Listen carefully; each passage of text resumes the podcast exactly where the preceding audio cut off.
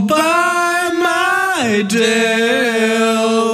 Don't wanna be fake and deaf anymore. Michael. Han har nummer 13 på ryggen.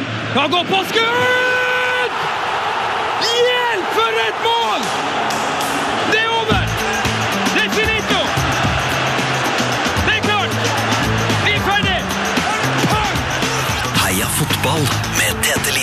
Og Sven Biskår Sunde. Heia fotball!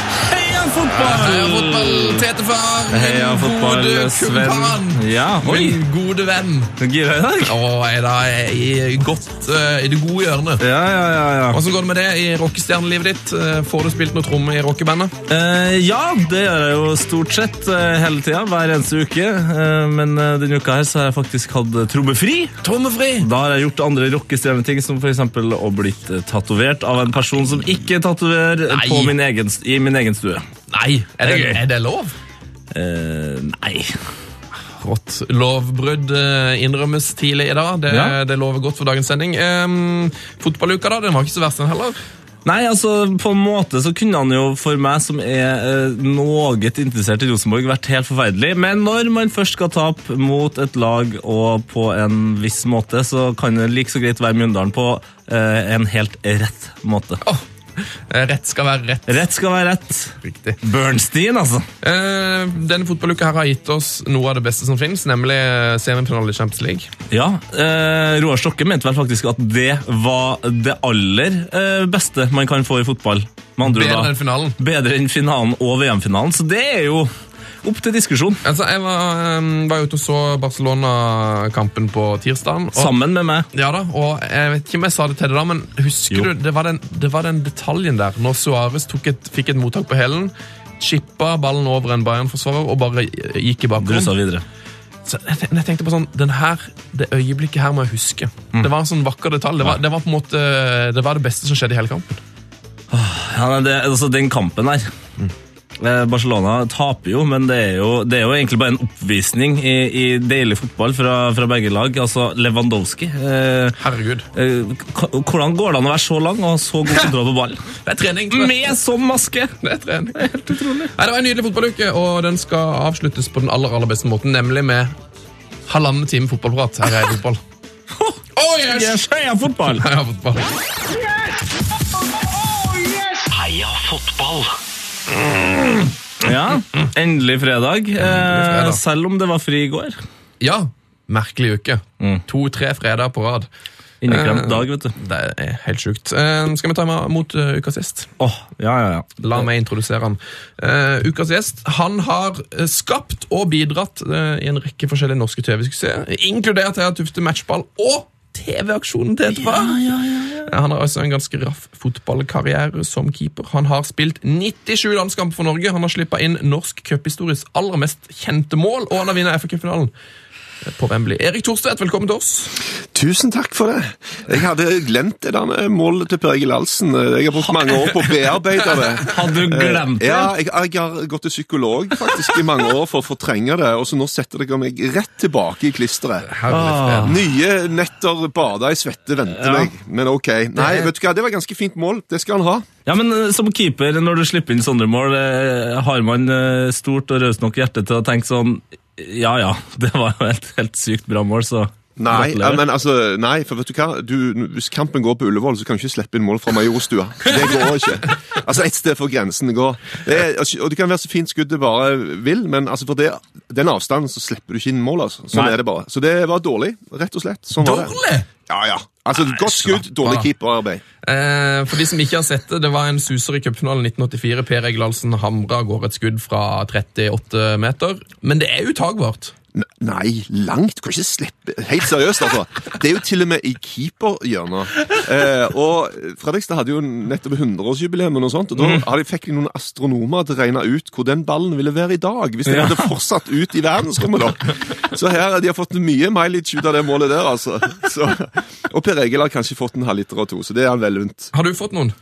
Nei, jeg har fått uh, Men ikke drit, eh, så jeg vil igjen benytte anledningen, for det pleier jeg alltid å gjøre når det blir snakk om det målet der, å henge ut en kamerat av meg Ja. som heter Kjell Lundahl. Ja. Og han står i mur.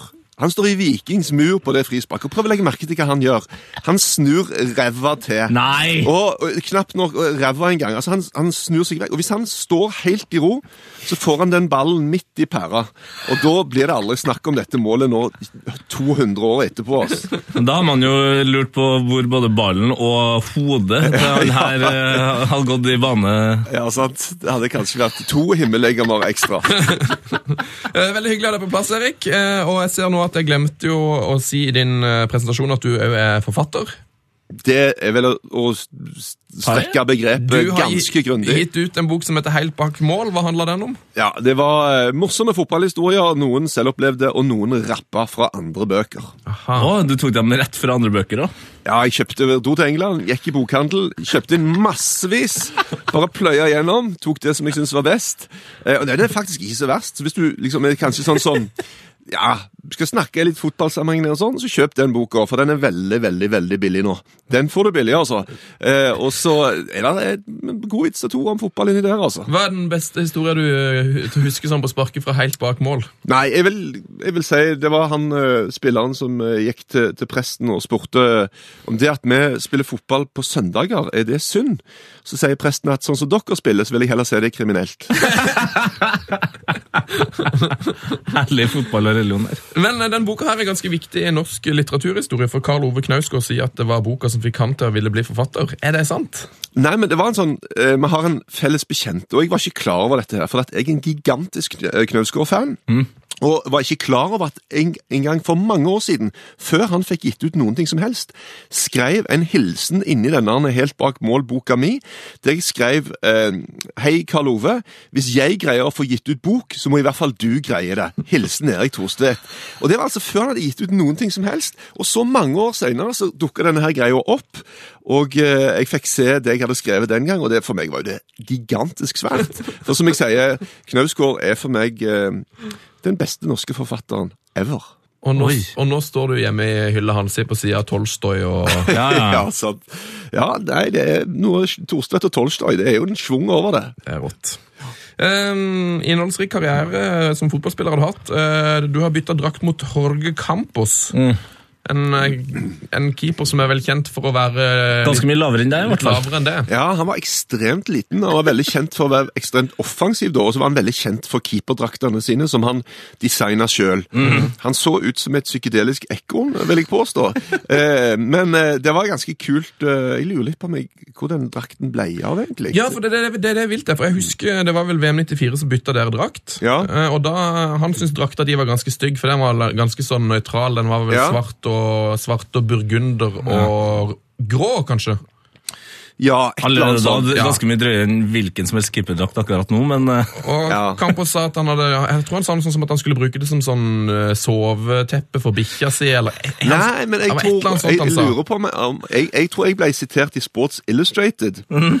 På at eh, jeg har vært, når jeg fikk bytte til meg hans drakt, at jeg har vært på jakt etter sånne kjøkkengardiner lenge. Yes! Og, og det ble sitert i Sports Illustrated, og bare det er jo Det var ikke i badedraktutgaven, riktignok, men likevel ganske kult. Men, men eh, altså, Campos, eh, annet enn at han laga sine egne drakter og var 1,68 høy eh, Det er ikke stort. Nei, det er ikke veldig stort. Men han skåra 34 mål som keeper. Har du, har du skåra noen mål? Nei, jeg har ikke gjort det. Har du Eh, prøvd? Ja, jeg har prøvd eh, Det er en gang jeg husker veldig godt, for at det, da eh, Det er jo veldig vanlig at keepere går opp kanskje på slutten av kamper og prøver å skåre på corner og sånn. Mm. Hvis du ligger under med ett mål. Eh, Jeg gjorde det når vi leda med ti. Ja, Norge San Marino. Norge, San Da gikk du opp, ja. Da gikk jeg opp, og det eh, var veldig upopulært. Ja. Eh, og, så det var liksom litt sånn drøyt, egentlig. Og i tillegg så holdt jo San Marino på å skåre. Hvis ikke er, Tusen takk, Erland Johnsen. Kåra til den styggeste spilleren i Premier League ever.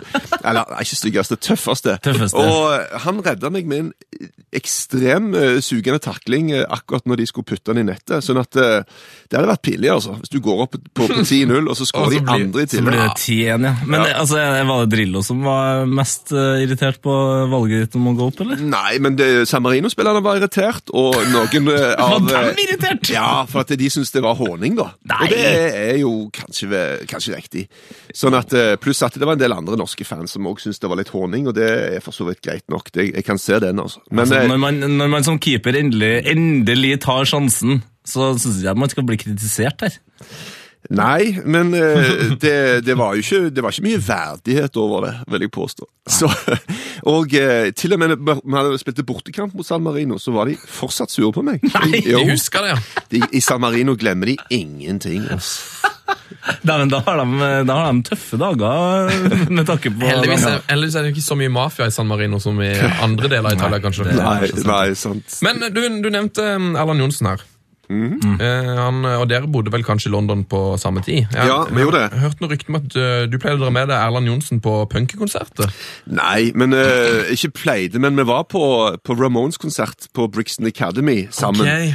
Og Erland visste ikke helt hva han gikk til. Han gjorde ikke det, altså. Så, eh, og det var en syk opplevelse, men fantastisk. Bare å ha vært på Ramones-konsert er jo sabla kult, og på. Brixton Academy er en kule plass. Og så eh, lå der en viss eh, røyklukt i lokalet i utgangspunktet, og når de tok den første satt i gang, så var det bare 1000 eh, halvdrukne ølglass som gikk til værs, eh, og Erland som stilte i seilerutstyret sitt uten helt å vite hva han gikk til. Han, han eh, kom ikke så godt ut av det. Men eh, nei, han var en tøffing. Det var ikke så mange som tørde å prøve seg på han uansett. Han hadde banka hele gjengen med en arm på ryggen.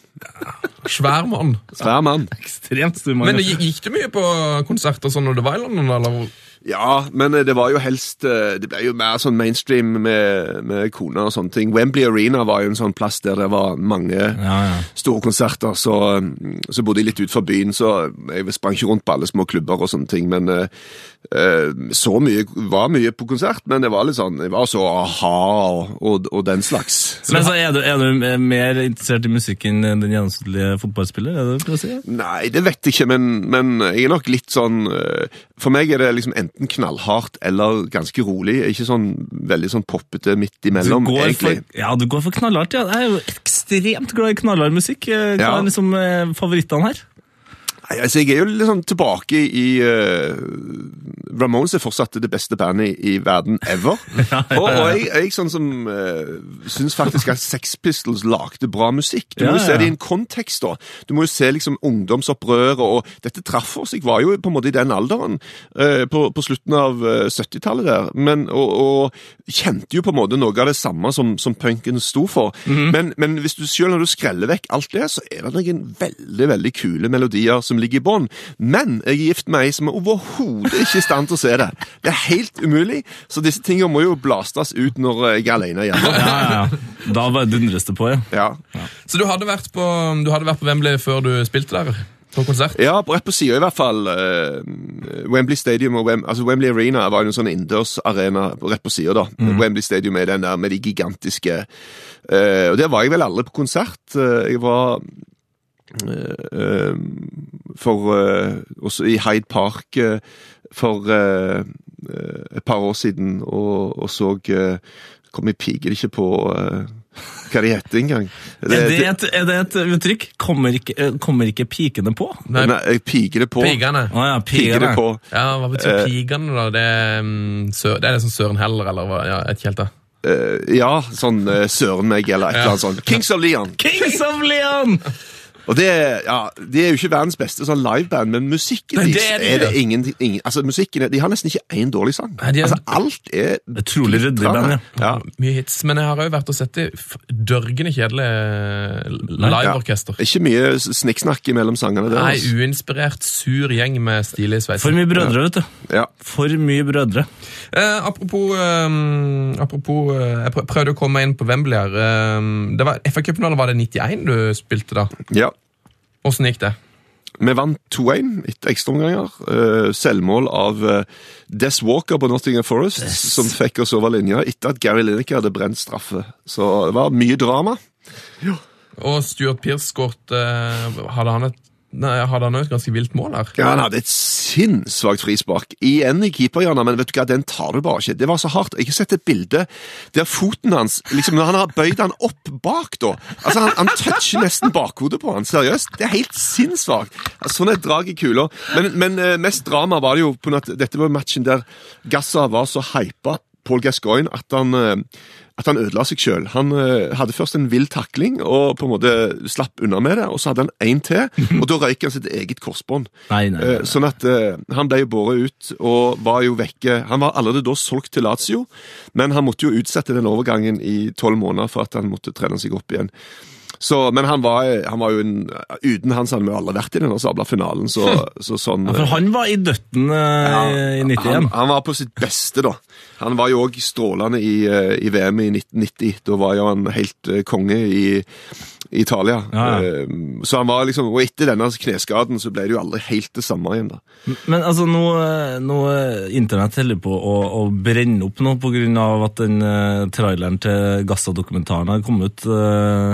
Du har jo opplevd han fyren her på, på egen hånd. Det, det er en del eh, gode og triste historier her som skal ut. Ja, for at eh, han var en sånn, bare sånn født, tror jeg, sånn litt sånn ekstremt god fotballspiller. Lå ikke mye metodikk bak, men han elsket å spille fotball.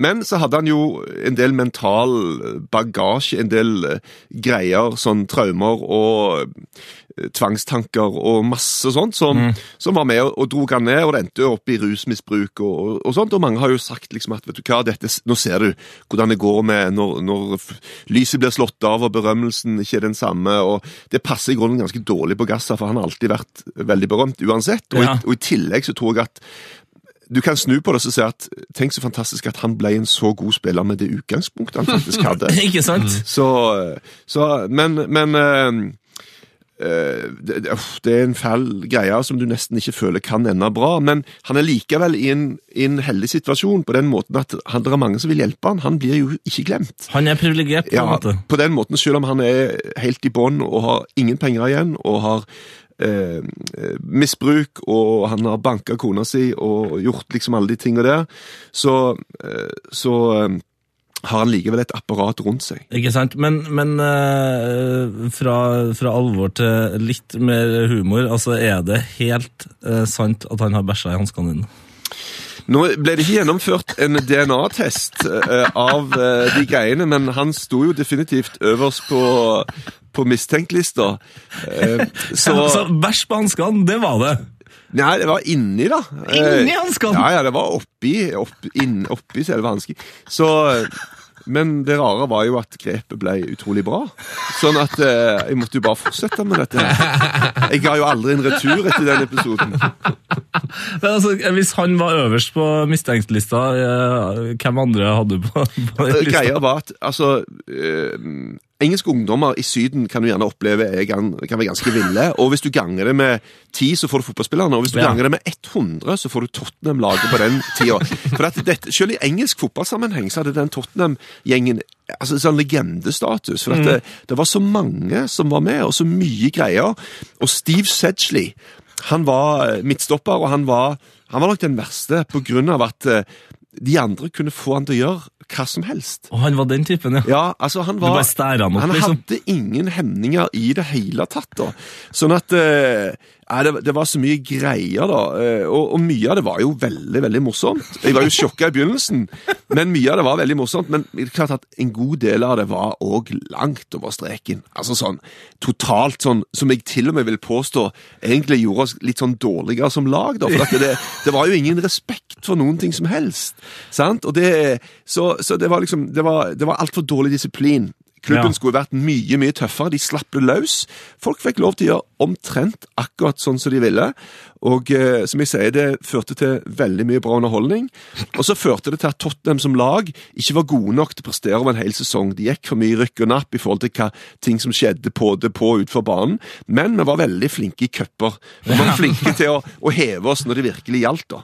Eh, Så det var jo en, eh, en positiv greie.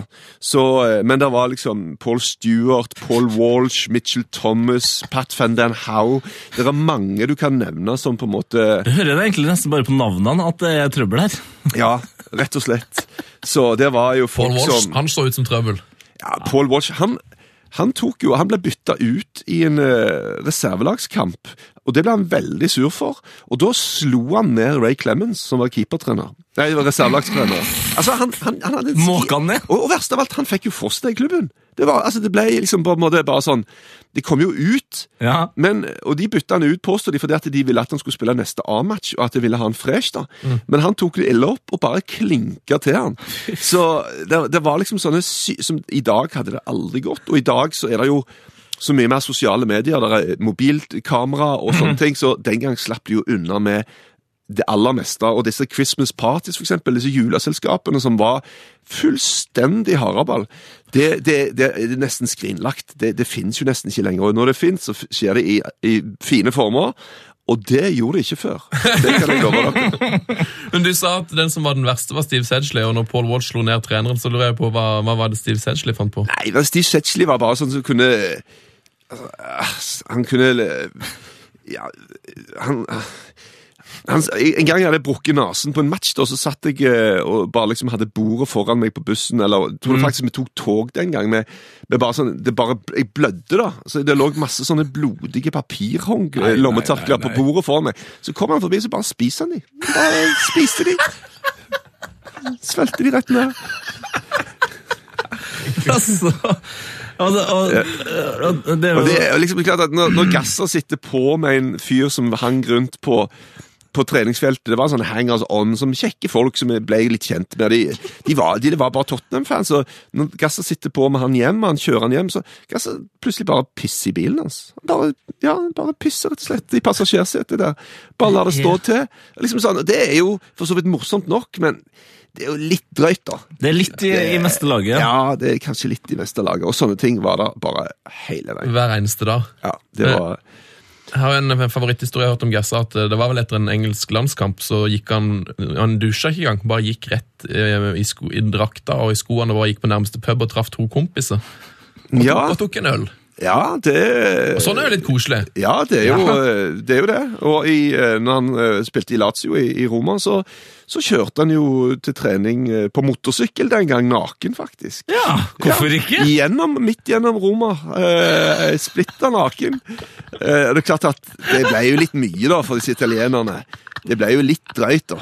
Så, og til og med nå, Dino Soff, eh, legendarisk italiensk keeper, var jo trener for Lazio den gangen. og han fikk et bilde av Gassa som var på, på sommerferie, og da, da sa han bare at jeg håper at det er noen annen sin kropp med bare Gassa sitt ansikt malt på. For han este jo ut som en, en ballong, vet du. Han hadde jo en ekstrem eh, evne til å legge på seg. En ekstrem evne til å legge på Ja, seg. han, så det, han kjempa jo med vekt òg hele veien, og trente mye med disse herne svarte søppelsekkene innerst mot kroppen for å, for å svette litt ekstra. Herregud. Men altså, det, det har vært mye snakk om den tida du var i Tottenham, men jeg bare, siden jeg er født i 86, så bare lurer jeg på hvordan det da var i, i, i Tyskland når du var i Mönchengladbach. Altså, det, det må ha vært helt andre former enn eh, Ja, i Tottenham. ja, det var det. Altså, det er klart at Du så jo hvorfor tyskerne lyktes på landslagsnivå, og engelskmennene ikke gjorde det. For dette, det var jo I England så trente du ikke gjennom uka for å forberede deg til matchen på lørdag. Du trente bare for å holde deg litt i gang. I Tyskland så var de jo veldig metodiske, og hvis du ikke presterte bra på trening ei uke, gjennom treningsuka, så kunne du risikere ikke å få spille på lørdag, og det kunne jo ikke skjedd i England. Nå har Nei. jo ting endra seg ekstremt i England òg. Nå er det jo mye mer på, på lik linje, men, men i Tyskland var det veiing hver dag, kontroll på hva folk holdt på med, og mye mer eh, disiplinert. Eh, og ja, jeg forstår godt at eh, Og mye tøffere. I England var det jo, var det jo show. I England Ja. var det jo det var ikke et særlig hierarki. Alle var egentlig litt sånn i samme båt. I, I Tyskland var det jo et klart hierarki. Mye tøffere på trening. Mye mer interne stridigheter. Mye, mye, mye røffere hvis du spilte det de kaller på Østlandet for en luke. I, i, Stavanger kaller vi det for tunnel. Ja, Tuttis skal løpe opp her. en, en ball mellom beina på en annen spiller. Hvis du gjorde det på trening i Tyskland, det var en egen dødsdom. Altså, det gjorde du ikke ustraffa. Så da måtte du bare vente på at hevnen, som i form av en skurtreskertakling eh, og, og så var jo balansen eh, gjenoppretta, og livet kunne gå videre. Så hva, hva var den største overgangen for en eh, norsk eh, ung keeper? Var det å være i Tyskland eh, en liten periode, eller Ja, jeg vil- galskapen i England? Nei, jeg vil si det. I Tyskland så kunne jeg jo heller ikke språket, så det var jo liksom, jeg hadde tatt en, gjort en tabbe på, på skolen, for jeg valgte jo fransk, og det var jo ikke så superlurt. men, men så var det òg ganske vanskelig, bare det, bare det å begynne å trene. Altså, Jeg var jo en sånn som eh, kom fra, fra Viking, og vi trente jo sånn tre på ettermiddagen eller noe sånt. Kjøpt, ble kjøpt fri fra trening to ti, fra, fra jobb to timer på ettermiddagen. I Tyskland så begynte vi å trene i ni-halv ti-tida, og bare det var en omveltning for kroppen. altså Det å komme i gang på morgenen.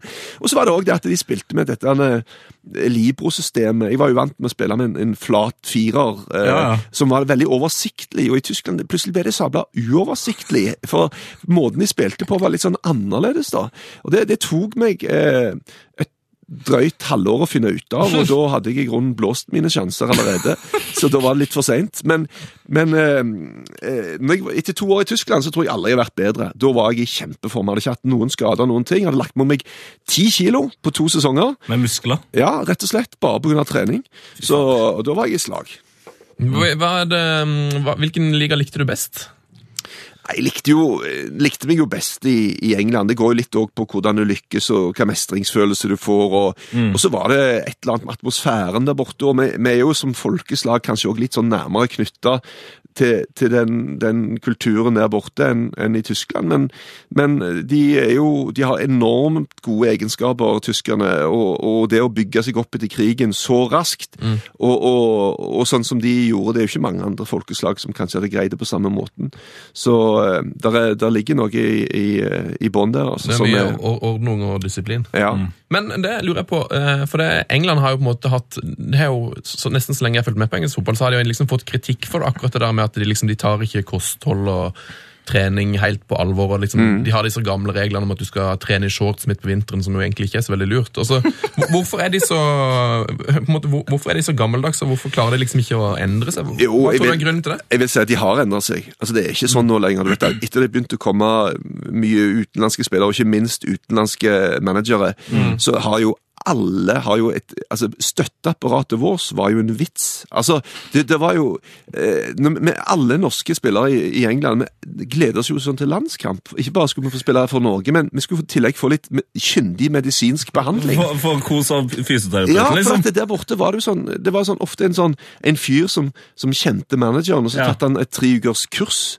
Og det var liksom greia, da. Og de skulle behandle oss og Så det, det var liksom Nå er det altså til og med akademiene blant ungdomsspillerne, så er det jo et støtteapparat som er 100 ganger bedre enn det var før. Altså, liksom Alt er tatt hånd om. Mental trening, kosthold, eh, fysisk trening.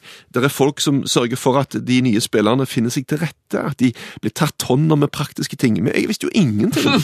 Kom jo bare over der. Hvor skal jeg bo henne? Jeg ante jo ikke. Altså, hvor, hva Fikk ikke noe hjelp til det? Nei, sant? Du, du fikk noen måneder på hotell da, som, som eh, klubben betalte for. og Da var jo da jeg traff Gassergjengen første gang. De bodde jo òg på det hotellet. Det var deres andre hotell. De er blitt kasta ut av det første hotellet allerede.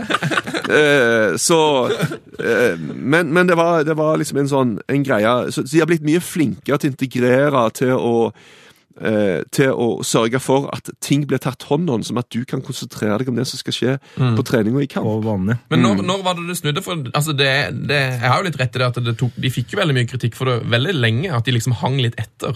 Eh, Ja, det har du definitivt. Men jeg tror en del endra seg med Arsène Wenger. Ja. Han kom inn, Arsen Hu var jo greia. Hvem er dette for en fyr? Hentet som trener fra, fra Japan på det tidspunktet. Men han var jo en tenker og en filosof og en som hadde mange progressive, bra ideer om fotball, og som innførte regimer som var annerledes enn det de hadde hatt før. Så det, det I et lag som også egentlig var kjent for eh, ikke på, Kanskje ikke på lik linje med Tottenham, men ikke langt unna. altså Den forsvarsrekka til Arsenal når han kom inn der, den var jo ganske fuktig.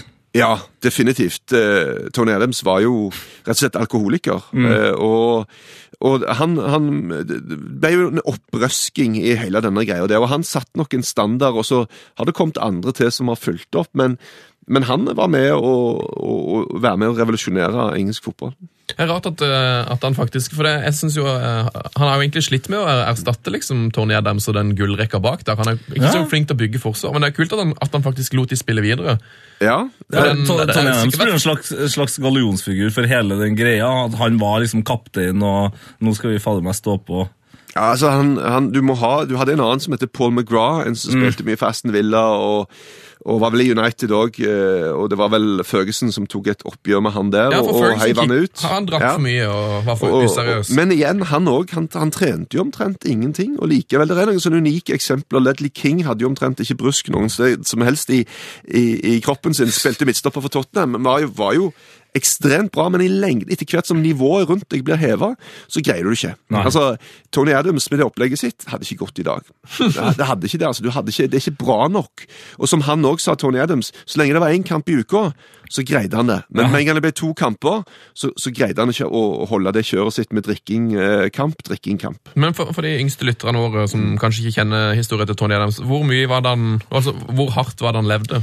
Nei, han eh, Etter kamp så varte det jo et par døgn, da. Eh, Ja. greia han, han, og han, som han sier, han, han gjorde det jo bare derfor han var redd. Altså, Alle så på han og så en, en kaptein på, på Arsenal, en, en sterk fyr som kunne tåle det aller meste. og og uh, vant masse pokaler, mens innerst inne følte han seg som en liten vettskremte guttunge, egentlig, som måtte dekke over ting og tang med å drikke alkohol. Drikkeproblem, rett og slett. Ja, et eller annet der. Og som han sa, han var helt fra han var barn i skolegården. Han var en ensom fyr, en, en som ikke var flink sosialt. og men som likevel greide å hevde seg gjennom fotballen. Men det var jo en, en brist inni der likevel, som han, han dekker over med, med, med misbruk. Du har jo, du har jo hevda deg ganske greit. eh, Karrieren din, eh, som vi har snakka om tidligere, altså FA Cup-finale, og ikke minst en av mine favorittmesterskap noensinne, VM i USA. Altså, hva, hva var størst her? Nei, jeg vil si De to tingene, å vinne en cupfinale i England og det å, å være med i et VM, vil jeg si var ranka likt, egentlig. Det, og Jeg var veldig sånn, jeg var jo med når ting gikk veldig dårlig for Norge. Jeg var med og havna nesten sist i alle kvaliker.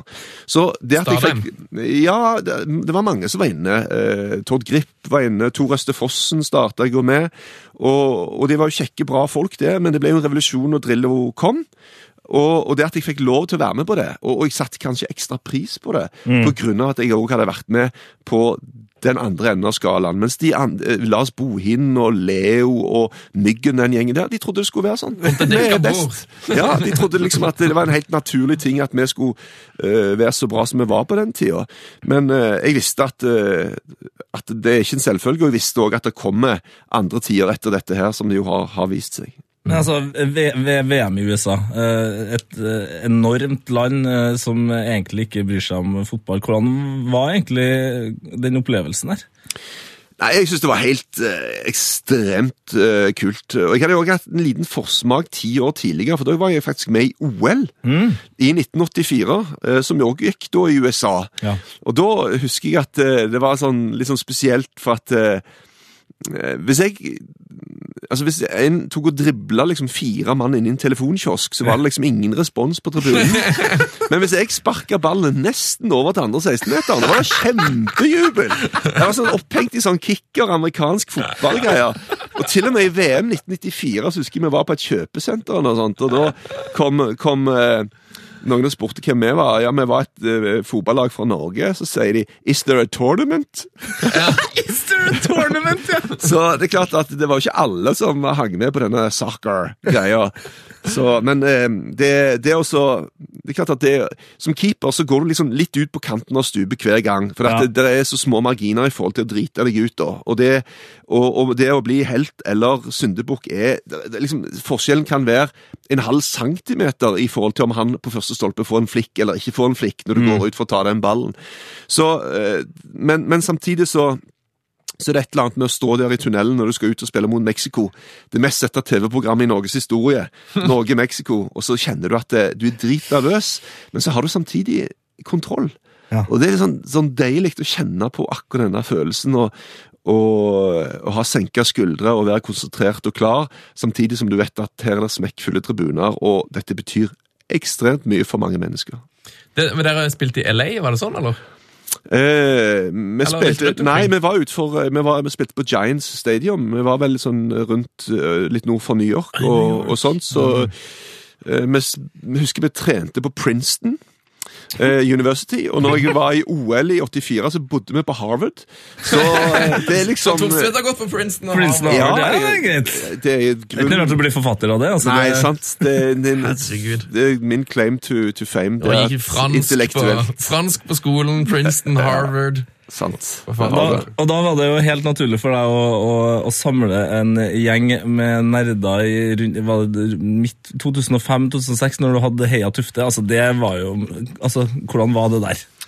Nei, Av og til har du litt flaks i livet, så ramler du borti et eller annet. og Jeg var litt sånn øh, Når de kom dragende Jeg jobba i TV Norge på den tida, så, så var det naturlig at de gjerne spurte meg om å være trener. og Det var en, øh, en greie som de hadde hatt en sesong av i Danmark. øh, Og så var det greia det å ta noen som overhodet ikke hadde peiling på fotball, og nerder som hadde andre interesser, egentlig. Og så skulle vi lage et lag sammen, og så skulle vi prøve å bli bedre. Det skulle være litt, det skulle være alvor i bånn, det skulle være morsomt, men vi skulle ikke prøve å drite ut folk. Det skulle Nei. være litt positivitet i bånn her. Og så skulle vi spille mot seriemesteren, Norges beste lag, eh, til slutt. Så det var ekstremt gøy, for jeg jo i utgangspunktet vant med å henge med de som kanskje har har fått det til og lykkes på banen og sånt, og også her kommer du med de som skal, de som har blitt valgt sist i gymmen. Rett og slett. De skal spille mot uh, Arne Gaute Rarason, Lars, Re nei, Lars Bohinen, Kjetil Rekdal, altså Ja, sant? Og det, Daniel Fredheim Holm. Ja, som Vålerenga som var seriemester på den, den tida. Det, det var mm, Det var det, det, liksom En ting er det rent fotballmessige, det å bli bedre, men så var det dette med samhold og det å eh, å prøve å lage en bra gjeng og av det, det syns jeg var omtrent like gøy. Og så får du så mange kule opplevelser. Ja. Du, du får så mange ting servert. Du møter opp på en, en dag et sted uten at du egentlig vet hva du skal, og så blir du bare servert midt oppi fanget at i dag så skal vi om det er å strikkhoppe eh, over denne, fra denne Rjukan tungtvannsbroa, eller eh, om eh, ja, vi, Spilte dere ikke i et fengsel? vi spilte mot Ila inne i fengselet. vi, vi endte jo opp i Brasil, spilte fotball inne i jungelen i Amazonas. Mot en liten landsby der de hadde egen fotballbane bak landsbyen inne i jungelen. Og det var sånn at det, det dro vi inn med elvebåt og overnatta på båten. og det er sånne, sånne greier som du nesten ikke kan eh, forestille deg. Så dette, det var helt, helt eh, rått, og en veldig kjekk gjeng å ha med å gjøre. Er det ditt eh, favorittlag eh, i Norge, eller er, det, eller er det Viking som er favorittlaget? Ja, det er vel eh, Viking eh, Eik Tønsberg har jeg spilt for, Madla har jeg vært i, og, og Tufte, sånn at det er flere å dele det mellom. Men eh, av de dårlige lagene, Mm. så er Tufte helt på topp. Og av, av de dårlige spillerne så er det Martin Bull som er den favorittspilleren din, eller? Ja, Martin ble jo en fotballegende i løpet av tre til fire sekunder, og Ja, det det er bra gjort, det. Eh, og han eh, Det er klart at Noen av disse hadde en, en motorikk som omtrent er en diagnose, og det er jo ikke tull engang. sant? Det, det kan nesten legge fram legeerklæring på det. Og Det er klart at det er ganske vanskelig da, når du har mange dårlige minner knytta til det å spille fotball. Altså Det å på en måte eh, bare føle deg litt sånn eh, utdrita, egentlig. Og, og, men likevel greie å se at, vi, at det kunne være Når alle er på, litt sånn på samme nivå, så blir det mye lettere å drite seg ut. da. Det blir lettere å gjøre ting, og det var, var litt kult. at vi kunne... Men noen utvikla seg og ble jo mye bedre, noen sto litt sånn på stedet hvil, og det var òg en utfordring. Sånn i forhold til at alle egentlig på dette laget her, vet du hva, alle er i hvert fall like mye verdt. Ja. Sant? Det, det skal ikke være noen forskjell på oss som mennesker. Åh, savner Heia Tufte, ikke? Får det nok på DVD, skal du se. Nå eh, er det på tide at uh, Thorstvedt får hørt på vår mest kjente jingle.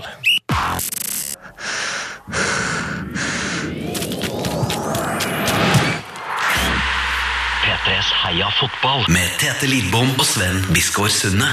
Og Erik Thorsvedt. Og Erik. Og det der er jo da straffesparket. Yes. Uh, har, har du redda mange straffespark i karrieren, eh, Nei, Veldig lite. Uh, seriøst. Det, jeg vet ikke hvorfor, uh, men For lang, eller? Nei, men jeg, jeg, jeg, jeg kan ikke huske at jeg fikk så sabla mange straffer mot meg.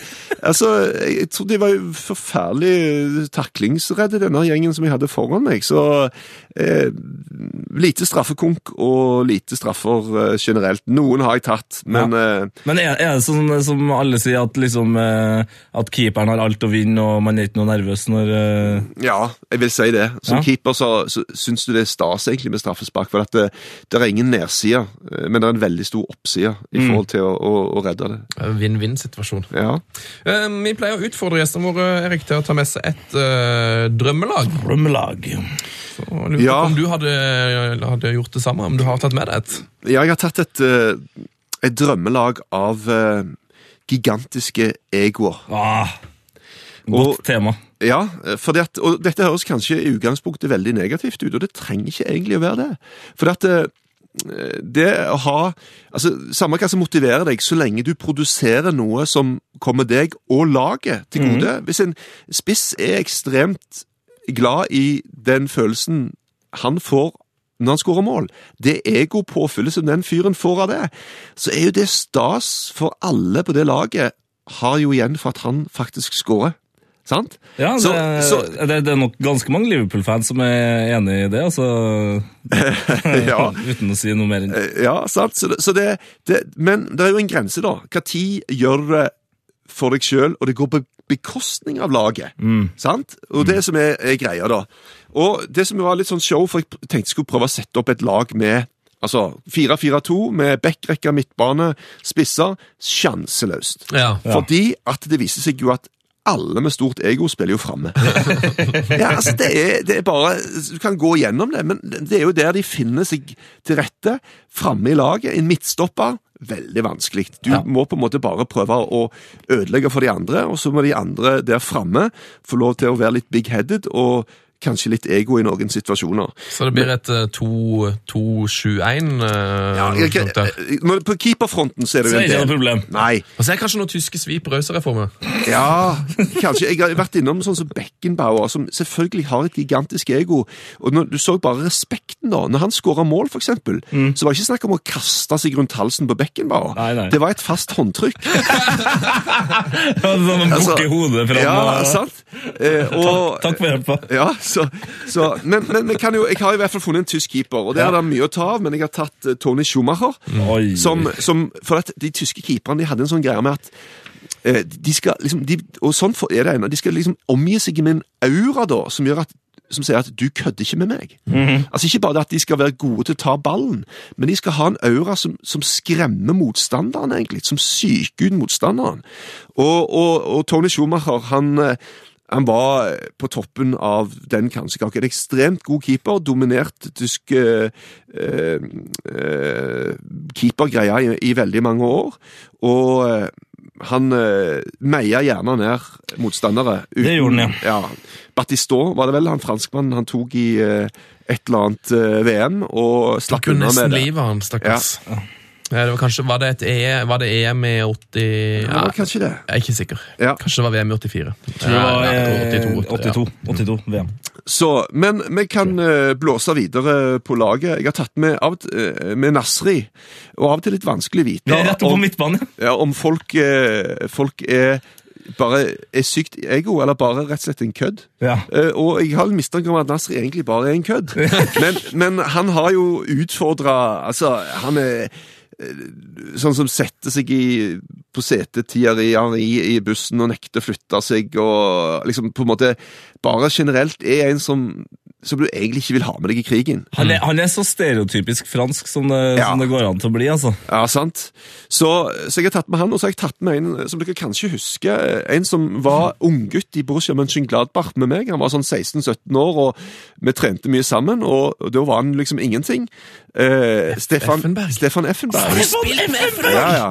Fantastisk. Og, og, han, så, og det er litt sånn show når du har sett de fra de var unge spillere, da. Og jeg Ja. husker at eh, han, eh, han treneren en gang, han tok, han, eh, liksom, tok for seg hele gruppa og høvla. Dette var med reservelaget, da. Vi trente mye med, eh, med av sånn ekstratreninger, gjerne de som, ikke, de som satt på benken og sånn. Og da var det liksom sånn at eh, han, du kom til greia det først av alle, uh, Stefan. For at, liksom, du, han var det de kalte for selvsbevisst. I Norge ville vi sagt reinspikka egoist, men i Tyskland var dette et hederstegn. Ja. Rett og slett å være selvsbevisst. Det vil altså si å være veldig sånn bevisst på seg sjøl og, Ja. og sine egne greier. da. Og han fikk jo igjen for det. Han ble jo en, en, en som fikk ekstremt mange landskamper og vant mye. Men Stefan Effenberg definitivt en sånn en fyr som òg kunne lage mye krøll. altså. Og så har jeg tatt med en fyr som eh, som eh, Ja, jeg må, jeg må ta med Maradona. Maradona, For, ja, for Er vi i Forsvaret nå, eller hvor? nei, han er, Alle disse her kan bare springe. De er egoer. De springer akkurat der de sjøl vil, egentlig.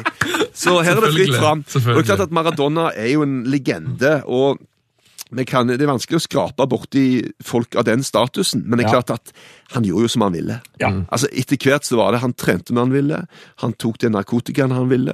Han, hadde med ma han gjorde som han ville med mafiaen i. Napoli, han betalte ikke skatt. Han skåra med hendene. han hadde et gigantisk ego, og så lenge ting gikk etter hans piper, så var det greit. Men det er klart at eh, ellers så tilta det jo foran eh, fullstendig. Sånn at eh, Maradona fortjener en plass på denne lista, i likhet med Adel Tarapt. Tarapt, ja! Tarapt som er en liten eh, klubbnomad etter hvert, Oh. sist sett i QPA. Der eh, Harry Redknapp, når han var manager der, sa at han er den klart dårligst proffen, eh, profesjonelle holdningen jeg noen gang har hatt i, av noen spillere i noe lag. jeg har hatt noen gang. Ja. Og, og i tillegg til å si det, så satt Harry Redknapp han inn på lag igjen to uker senere. I et desperat forsøk til å få til noen ting som helst. Så Kan ikke du ta 23 overstegsfinter og skru i krysset, for det er jo det du er interessert i. Det er det han prøver på hver gang. sant, Sant, og det blir mye fotball igjen, men når det er så mye annet som ikke bor igjen, så nytter det bare ikke. Det går ikke.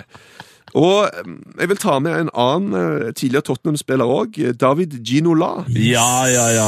Hårlegenden. Hår- som var, greide å bli valgt til årets spiller i, i England en sesong, faktisk. Men vet du hva? Altså, eh, håret er jo én ting, men de forteller jo at vet du hva, når, når eh, Jørgen Klinsmann Altså, Ginola drar seg forbi eh, bekken, som han var veldig flink til, og Klinsmann starter inn i midten. Og akkurat når han tror innlegget skal komme, så bråstopper Ginola, går tilbake og gjør det en gang til. Ja, rund bekken en gang til. Og da har Klinsmann selvfølgelig starta på ny. Og akkurat når han tror innlegget skal komme, så stopper Ginola, går tilbake og gjør det en gang til. Og da fortalte de jo at de hadde et, et et Klinsmann og Geir Mabbet gikk og klaga til til manageren, og så ble det et slags møte om dette her, da. Men etter den første innledende setningen om at de ville gjerne ha en viss endring i kantspillet, så bare Ginola reiste seg bare opp og storma ut av rommet, og var ikke tilbake på to dager. Sånn at Tok eh, det personlig. tok det veldig personlig. Dette fant han seg ikke i. Han skulle få lov til å gjøre akkurat som han ville ut på kanten. De andre, andre kunne bare drite og dra, om de het Jørgen Klinsmann eller hva som helst. Fader, altså, nå er vi jo halvveis på det laget her. Jeg tror vi trenger flere baller enn én altså, for å Vi må spille med holde ball, ja. ja. For å Ja. holde den kampen her i gang. Ja, og jeg følger opp med Casano. Oi, Eh, oi, oi, En italiener som faktisk har fått et eget ord. Capello fant opp et ord til hans ære. En casanata. Og en casanata er altså en spiller som har en egoistisk framtoning som er dårlig for moralen og samholdet i et lag. Og, og du kan si at ja, men Casano er en dritkul fyr. Altså, han, men han er jo altså han, han, For å si det litt brutalt, han var, det var vel i Barcelona han var, og øh, Real, tror jeg. Real. Madrid, ja. Ja. Uh, han pulte seg vekk fra en karriere i Real Madrid. Ja, men Han gjorde det. Han var mest interessert i å være på rommet og ha seg.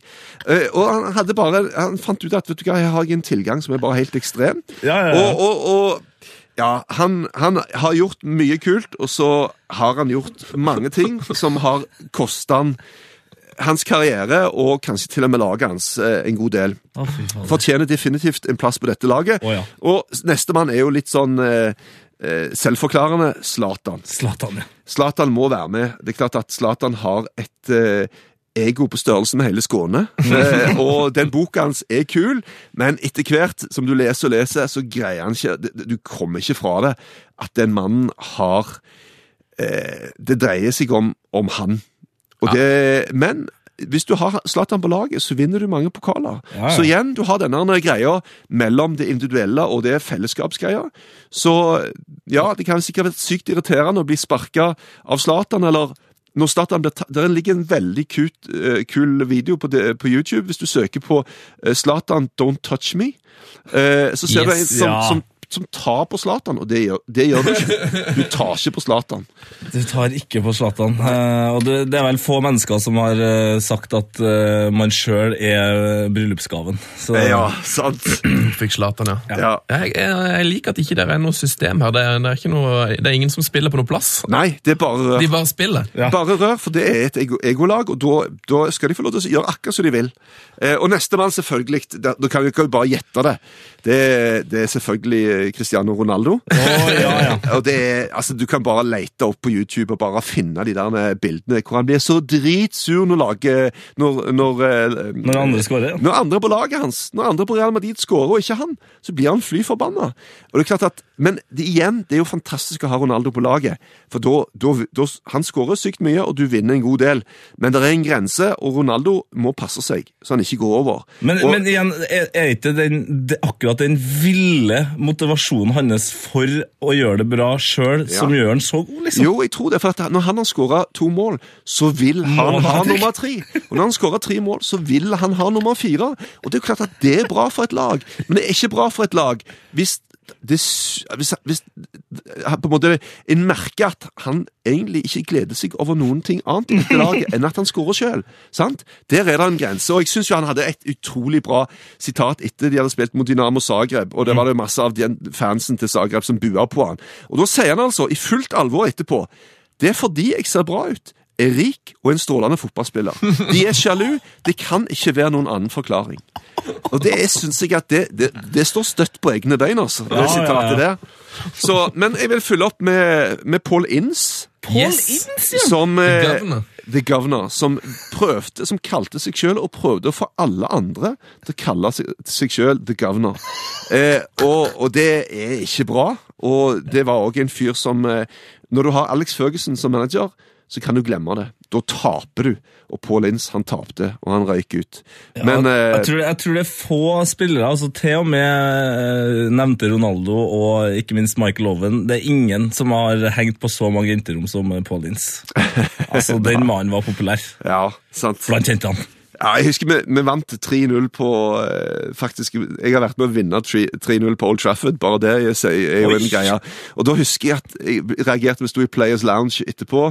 Eh, tok en, eh, en pils, som du ofte gjorde eh, da i Players Lounge etter en kamp. Og kom han inn sammen med agenten sin og lo og koste seg. Og jeg tenkte what the fuck? Du kan ikke, dere har tapt 3-0, altså. Kan få prøve å se litt lei deg ut. Så, men ok. Sånn var det. Nå har jeg oppi ti spillere, så nå har jeg bare én igjen. Oi, Og da tar jeg en som kanskje ikke, altså han, han gigantisk søramerikansk fotballspiller, Rik Helme. oi, oi, Eh, og han har gjerne ikke den statusen som han Han, han var god, altså. Ja. Dritgod. Men han hadde en personlighet som gjorde at det endte i bråk, som regel. Altså, han en Boca Juniors Altså, Han er kanskje større enn Maradona i Boca. Altså. Han er gigantisk. Han spilte jo også innom i Barcelona. Eh, Louis van Galle vil ikke ha noe med han å gjøre. Til og med den, den saktmodige bestefaren, eh, Manuel Pellegrini, som hadde han i Villarreal, og som skapte et superlag et, på et bitte lite sted. Og oppnådde fantastiske ting med dette laget. Og Rikelme han, han ble lei av han. Han greide han ikke til slutt. For, Det ble for mye Rikelme. ja, for at når, han, når, når, ting ble, når laget ble bygd rundt han, og alt skjedde på hans premisser, så var det greit. Men når det ikke gikk, eller det var andre Han greide jo å havne til og med i å kjempekrangle med Messi og eh, Kun Aguero og eh, Crespo og eh, Palermo Al Altså, alle spisser endte han opp med å krangle med, da. Og, og eh, strålende fotballspiller. Men når ting ikke gikk dansa etter hans pipe til enhver tid, så skar det seg. Så Rikelme han forsvarer en plass både fotballmessig og egomessig på dette laget. Og da mangler vi bare manager. Eh, Det er, en, det er en utakknemlig jobb, altså. ja, men Mourinho er mannen til greia, det. Ja, ja, selvfølgelig. The special one. Og så tar vi klubbpresident eh, Blatter. Oi, oi, det oi! Altså, det her tror jeg faktisk ikke bare er et egolag, det er en, en fantastisk såpeserie. Ja. Tenk deg den såpeserien. Den eh, iskrigerne i denne versjonen her, det hadde vært Paradise Hotel kan man gå og legge seg. Glamour, glem det. Ja, det er strålende! Heia fotball! Mm, og vi har besøk av Erik eh, Thorstvedt. Jeg vet at du har noen, eh, det er noen Små, jenter som sitter og venter på deg. Ja, jeg har tatt med familien på tur. Eh, Med en gang de hører NRK, så er det et visst håp av disse små jentene om at, at de skal få komme på TV. Så jeg lurte de med på med det. liksom, Ja, selvfølgelig. Det blir en egen eh, serie om dere. Reality. Så jeg vet at De sitter utenfor og venter på at uh, pappa skal bli ferdig. Men uh, før du går, Erik, så har vi en uh, liten gave til deg. For mm, Vi har et konsept som heter Trynemix. Hvor vi pleier å trynemikse alle våre um, gjester. Jeg vet ikke om du har hørt om eh, konseptet, eller, eh, eller kanskje det sier seg sjøl hva det er? Ja. Ja. Eh, Det er sånn at Du får fjeset ditt uh, miksa med en ganske god fotballspiller. Og så skal det være et ordspill i bånn her. da. ja, dessverre. Så jeg, jeg har sendt det til deg. Jeg vet ikke om du har med deg telefon?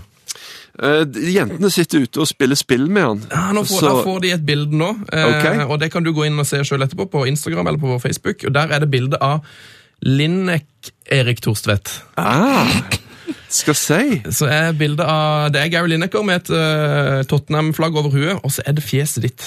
Så, ja, men der. han ser jo i utgangspunktet litt sånn uh, uskyldig og Han, mange- han eh, hang på mange ungpikerom med Geir Lineker òg, altså. Han gjorde det, han ja, også. ja. Å ja. Ja da, definitivt. Så det høres ut som en, som en bra miks. Litt usikker på håret. Jeg gleder meg til å se akkurat det. ja det, du ser veldig stilig ut. Takk. Eh, det her legger vi ut på vår Instagram. Vet ikke om du, Er du på Instagram? Eh, mulig jeg har en konto, men jeg legger aldri ut noen ting, så jeg er litt usikker. Jeg tror muligens ungene mine har lagt et eller annet, men jeg, jeg, Vi kan, ja, vi kan prøve å tagge deg på Twitter. Vi skal legge det ut Ja, Twitter har du jo. Der heter du, der, der heter du Sila-Erik. Ja. Hvorfor, hvorfor det? Altså, Er det Sila som i at du slapp inn mye mål, Ja, eller? I Stavanger så kalles alle keepere for Silo. Altså er. S-I-L-Å.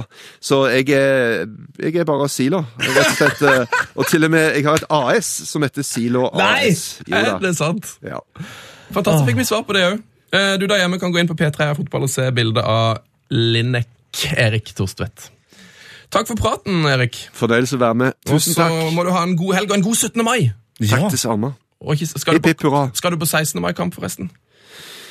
Um, ja, kanskje jeg skal gjøre det. Ja, det jeg, eh, jeg må sjekke opp uh, hva som skjer. Uh, eller så blir jeg bare liggende i grøft en eller annen plass. Ja, Typisk. Ja, ja. Eh, heia fotball, da. Heia fotball. Heia fotball! Oh yes! Oh, oh, oh, oh, yes! Yes! Oh, oh, oh, oh, yes! Det var veldig trivelig med på Ah. Sila, altså. Sila? Silo. Hva var det du måte følte du, når du sitter igjen her etterpå, hva følte du at du lærte mest av Eh, som den alvorlige fotballanalytiske personen jeg er. Analytiske personen jeg er. Eh, Ja, faktisk. Den fotballanalytiske Så det var bæsjinga, ja. Det var bæsjinga. At vi fikk bekrefta det Jeg tror kanskje jeg har fått bekrefta det før, men ikke så ryddig som han eh, nå bekrefta det, med på en måte hvem som var de mistenkte, og ikke minst eh, at gutten viser fram eh, god humor ved å si at han ikke har spilt fotball uten bæsjehansker siden. Det er gøy. Det var gøy. Jeg likte kanskje best at han Jeg har aldri liksom vært så mye fokus på den tysklandskarrieren hans. Nei, det var At han hadde spilt med Effenberg og sånn. Det syns jeg var ganske effent! ah. Det var soleffent! Så er det jo gøy da at uh, han har faktisk uh, inspirert Knausgård. Til å bli forfatter, ja. Ja. Ja, det, det er, Det er både gøy, rart og ikke minst ryddig. Vi tar litt nyheter. The News! P3s Heia fotball med Tete Lidbom og Sven Biskår Sunde. La oss begynne med en litt viktig nyhet, Tete far. Ja, ok. Greit. Um, en, altså, og nå må jeg be deg om å Skal jeg romme ned? Romme ja, opp, ja, det, er- du må bare ta det på litt alvor. En lytter har gjort oss oppmerksom på at du, Tete Lidbom, du Mhm, har kommet med noen ganske grove nazi-anklager Ja. i eh, vår podkast. Hør på dette. Eh, Jo Inge Berge står nå med seks mål på sju kamper, én assist. Det er jo greit. Det er greit. Og så har du Daniel Berntsen, som eh, da spiller i Djurgården. Han eh, har tre mål og én assist. Fantastisk. Ja, Fantastisk. det er jo fantastisk. Eh, Det er jo her jeg Fantastisk. Ja, det er jo her jeg da burde beklage eh, overfor eh, Jo Inge Berge og ikke minst eh, Daniel eh, Berntsen, som eh, begge eh, står med nazister. Men det velger jeg å ikke gjøre. Veldig bra, altså. Altså, Når man eh, står med nazister, så syns jeg man skal eh, henges ut. òg. Sånn er det bare. Vi må høre anklagene en gang til. Eh, Jo Inge Berge står nå med seks mål på sju kamper, er nazist. Det er jo greit. Det er greit. Og så har du Daniel Berntsen, som eh, da spiller i Djurgården. Han eh, har tre mål og én nazist. Fantastisk. Jeg liker så godt at jeg sier fantastisk. Helt, Du, ja. ja, fantastisk. Det er fantastisk. Fantastisk. At han er nazist, er helt nydelig. Eh, Nei, jeg- Hva syns skandalemannen om dette?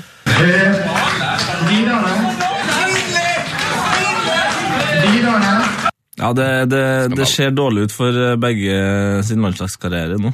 Ja, det gjør det virkelig. Eh, skal vi ta en stor eh, risnyhet, da? Legge nazismen død? Ja, eh, la oss gå fra nazisme til Riise. Eh, han er altså nå eh, blitt en slags bloggmogul. Og i- bloggstjerne, Ja, bloggstjerne. Og hva gjør eh, ikke en blogger for litt oppmerksomhet? Eh, jo, Riise har nå kommet ut og sagt at han har en helt eh, sinnssyk eh, hemmelighet som han gleder seg til å avsløre. Eh, en kul hemmelighet! Ja, eh, hva er det han skriver for noe? Eh, lover store nyheter Ja. eh, på sin egen blogg, og det er noe som han, men han kan ikke avsløre det før i juni. Ikke før i juni, så da kan jo vi eh, sette i gang ryktemølla her, da. Eh, Hemmelighetsfull Riise lover store nyheter, skriver TV 2 denne uka her. Ja. Um, og jeg kan, jeg kan ikke si um, Jeg kan ikke si noe annet enn at jeg for tiden holder på med noe stort og kult. Og da jeg tenker giftermål med en gang her nå. Nå tenker jeg nå skal han gifte seg, men han er jo gift. Han er gift, han har gifta seg flere ganger før, så om det liksom er så stort lenger, det, om det er kult Det er jo ikke så kult for hun han er gift med, i hvert fall lyst til å skifte seg på nytt. Så jeg tror vi, det, er ikke giftermål. Det er ikke giftermål. Eh, Hva med om at eh, han skal bli spillende trener i Ålesund, da? Hadde det vært eh, Hadde det vært vilt, da? Jo, det hadde jo vært helt vilt, men han, han er jo i ferd med å bli dobbeltmester i, i Syden. Apoel. Ja, han spiller jo i Syden. Så jeg tror kanskje ikke at han skal hjem til Ålesund ennå. Han er jo 34 år. Jeg tror han har tenkt å være proff en eller to sesonger til. Også. Ja, ok, ok. Men eh, hvis du skal sette det et rykte til her, da? Eh, Kanskje han får eget, eh, kanskje han får eget TV-program? Ja, hvor, altså, Nå har vi snakka nettopp med Thorsvedt i nesten en time. Han har TV-program. Ja, eh, altså det eh, Jo! Vi kan jo høre med nettsjef Lars. Ja, ok, greit. Eh, Lars, du kan eh, få lov til å komme med en, for jeg tror kanskje jeg har løsningen. Eh, Vi driver og diskuterer hva er den store risenyheten. Uh, Risenyheten. Ja, Han sier jo at det kommer en stor nyhet nå eh, på bloggen sin. I Han juni. har blogg, ja. Ja, i, i, I juni så kommer vi med en stor, kul nyhet. Noe stort og kult. og jeg har slått, det, Vi har funnet ut at det er nok ikke giftermål, i og med at han er gift. Ikke TV-program, ikke spillende trener i Ålesund. Hva tror du? Oh. Hva er din teori, Tete? Timeshare-agent på, Timeshare-agent? på øya der han bor. Ok, uh, Er det bare jeg som ikke helt henger med hva timeshare Det er vel noe leilighets... Uh, oh, sånn, ja. ja, ja, ja. Uh, Nei, du, jeg tenker mer fordi at det har skjedd mye dokumentarer i det siste. Og uh, da ser jeg for meg at Riise er jo en ekstremt ambisiøs person. Han setter seg sjøl ofte foran uh, konene sine, i hvert fall. Eh, nei, det gjør han ikke. Han eh, promoterer damene på bloggen og alt sånt der. Men jeg tipper at eh, Riise skal bli en av de veldig få eh, og heldige menneskene som skal ta turen til Mars. Hva om det? skal? Ja. Er det det han skal, ja? Ja, for da rekker Han skal for til de, Mars. de skal jo til Mars for sånn 2017-18, eh, kanskje enda lenger til. Så da rekker han jo å spille litt, og sånn, men at det prosjektet her, det begynner vel jo strengt tatt nå. Ja, Det er jo stort og kult. Riise skal til Mars. Ja. Det, hvis det er riktig, så er, har han jo rett i at det er kult, i hvert fall. Kanskje han blir den eneste med rødt hår på Mars? På den røde planeten? Herregud. Det er jo kjempegøy! La, la det skje, la det skje. Eh, ja, ja, oi, litt, litt seriøst nå. Ja, jeg tror jeg har hatt bursdag. Ja, ja, tror jeg. Har du eh, gratulert med dagen, Lars? Jeg var veldig påpasselig med å gratulere han med dagen. Ja, du la, laga et ryddig bilde som vi eh, fikk lagt ut på vår konto i går. Ja, Vi har, ins- vi har Instagram gratulert Jaja, eh, og- det syns jeg var på sin plass. Skal vi gratulere nå, eh, i liksom alle sammen? Gratulerer med dagen, gratulerer med dagen, gratulerer, kjære ja-ja. Du har bursdag en hel uke, kanskje egentlig et helt år. Gratulerer med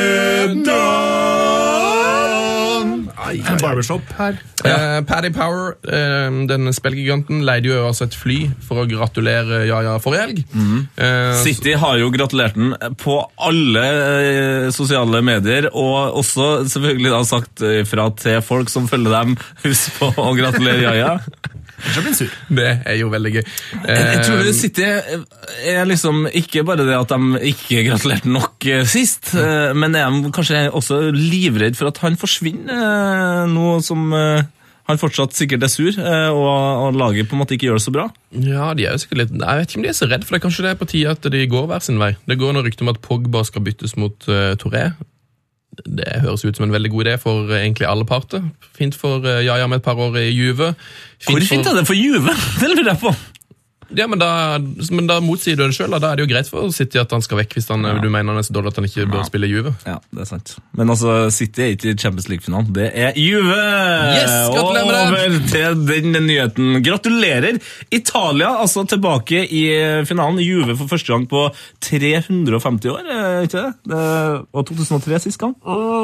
Utrolig lenge siden de har vært Du i brukte finalen. overdrivelse Ja. som, uh, som grep. Ja. Veldig morsomt. Ja, veldig morsomt. Lært en annen ting med å ha podkast i over et år. du. Ja. Em, jo, helt topp. Gratulerer både Barca og Juventus. Um, jeg synes Det morsomste jeg leste om kampen ettertid, var at angrepsrekka til Real Madrid har kosta ca. 2 milliarder. Altså Benzema, Bale og Ronaldo. Eh, men de ble senka av altså Morata, som var akademispiller i Real Madrid. Han koster ikke ikke koste dem to milliarder, i hvert fall. Nei. Eh, og, men et, eh, et, eh, et øyeblikk fra den kampen som, som er verdt mer enn penger, litt sånn som Visa Mastercard-reklamene, eh, det er jo innkastet til Casillas! Ja! Altså, Herregud! hva Når du er keeper, altså den eneste spilleren på banen som får lov til å bruke eh, hendene annet enn på innkast, eh, og så får du, altså har du også hansker eh, som skal gjøre at du har et godt grep. Kanskje for, for bra grep? Det var, altså, det, var så vondt å, det var så vondt å se på. Det var, jeg synes faktisk ikke det var gøy, for det var, jeg bare det synes så synd på Casillas. Det var, liksom, det var jævla viktig. Nå, okay, nå har vi sjanse til et siste angrep, og så klarer han å fomle ballen. Ja, fordi- I det 93. minutt. Det, det er en annen ting som også igjen uh, segwayer oss eh, til en, en ny nyhet. Du må, det, det ordet bruker du hele tida. Jeg vet ikke, vet ikke hva det betyr. Hva, Segway er en slags bru. altså Nå bygger jeg bru til neste uh, nyhet. Det Dette er amerikansk ord. ok. Kan jeg bare innspill her? Gå på P3 Heia Fotball på, på Snapchat og se uh, Iker Casillas uh, tullete med håndballklisser. Ja, Den ligger fremdeles ut i to timer. Ja, den ligger to timer til. Men i hvert fall eh, fordi eh, i den fantastiske eh, Mjøndalen-Rosenborg-kampen så, så skjedde noe som irriterer meg så Altså, det kan nesten være en filming i fotball. ok. Og det er eh, lange innkast. Og lange innkast er greit nok, Ja, Mjøndalen så lenge lenge det ikke ligger et forbanna håndkle som spilleren også skal tørke ballen med. Det må jo være lov, det! Det tar så lang tid, og det er så, åh, så irriterende. Og da satt jeg og tenkte sånn vet du, Jeg orker ikke å se på lange innkast som blir, der ballen blir tørka med håndkle. Så da tenkte jeg hva om heller de der innkastspillerne, for det er jo det de har blitt. De tar jo seg sjøl ned til å ikke bli en fotballspiller, bare en innkastspiller. Hva om de eh, spiller fotball med hansker?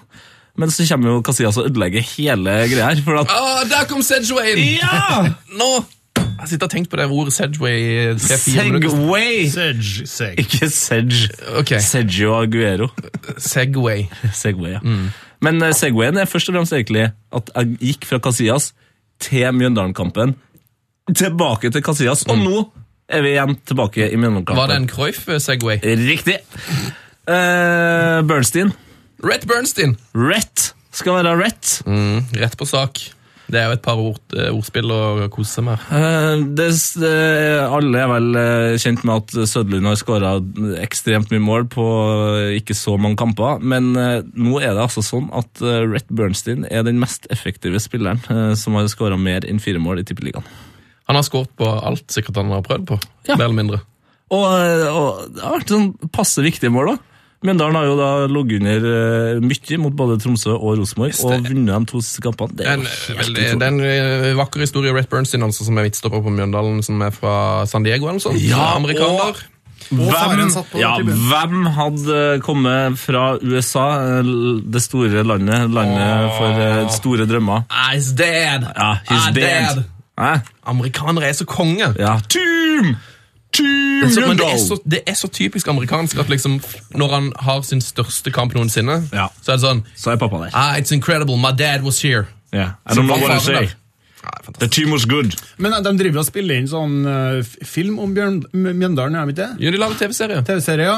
Det er jo perfekt de to kampene der for dem. da. Ja, det er helt Helt dramaturgien. Det- Kanskje litt tidlig i serien. Men. ja, Og det, faren hans på tribunen og alt mulig, det er jo, de har jo det er mye der. Og, og, og, og, og Reth, uh, som jeg liker å kalle den, jeg liker å flytte hånden bak. Reth. Eh, han eh, var jo også i ferd med å bli pælma på huet og ræva ut av Mjøndalen eh, før de rykka opp. Ja, han var for mye skada. Han, hadde, altså, han hadde så mye skader at de ikke trodde han kunne spille fotball. rett og slett. Men det har han jo rydda Nei, ganske bra opp i. det er en Hollywood-story, det her. Åh, deilig, altså. La, altså, Nå har ikke jeg noe Segway eh, for å komme videre til Nei, neste. men da dundrer man bare videre. Men jeg bare nevne at eh, Sevilla møter Nipro Nipro Petrovsk i Europaliga-finalen. Ja, du har vært lur og skrevet, eh, skrevet om eh, Jeg har øvd på å si Nipro Nipro Petrovsk Ja. i flere dager. Eh, Så jeg gleder meg til finalen, der Nipro og Nipro Petrovsk møter Sevilla. Ja, det høres ut som det er to lag som møter Sevilla. Er litt sånn- Nipro og Nipro Petrovsk møtes i ja. Hæ?! Hva sa du nå? Nei, nå skal jeg være litt morsom og si altså, at det var vanskelig å si Sevilla. Sorry. Ja, du brukte humorgrep igjen. Ja, ja. Strålende. 16. mai i morgen, noen vitser på det? Uh, nei, altså ikke noe annet enn at Thorsvedt mest sannsynlig ligger i en grøft og ikke ser kamp. Det var gøy. Mm, det var veldig gøy. Uh, 16. mai, Jeg har en vits på 16. mai. Ja. 16. mai i morgen. Skal vi kalle det fotballens 17. mai? Ja. Yes. Vi gratulerer de norske fotballjentene som har fått drakter som passer. Ja!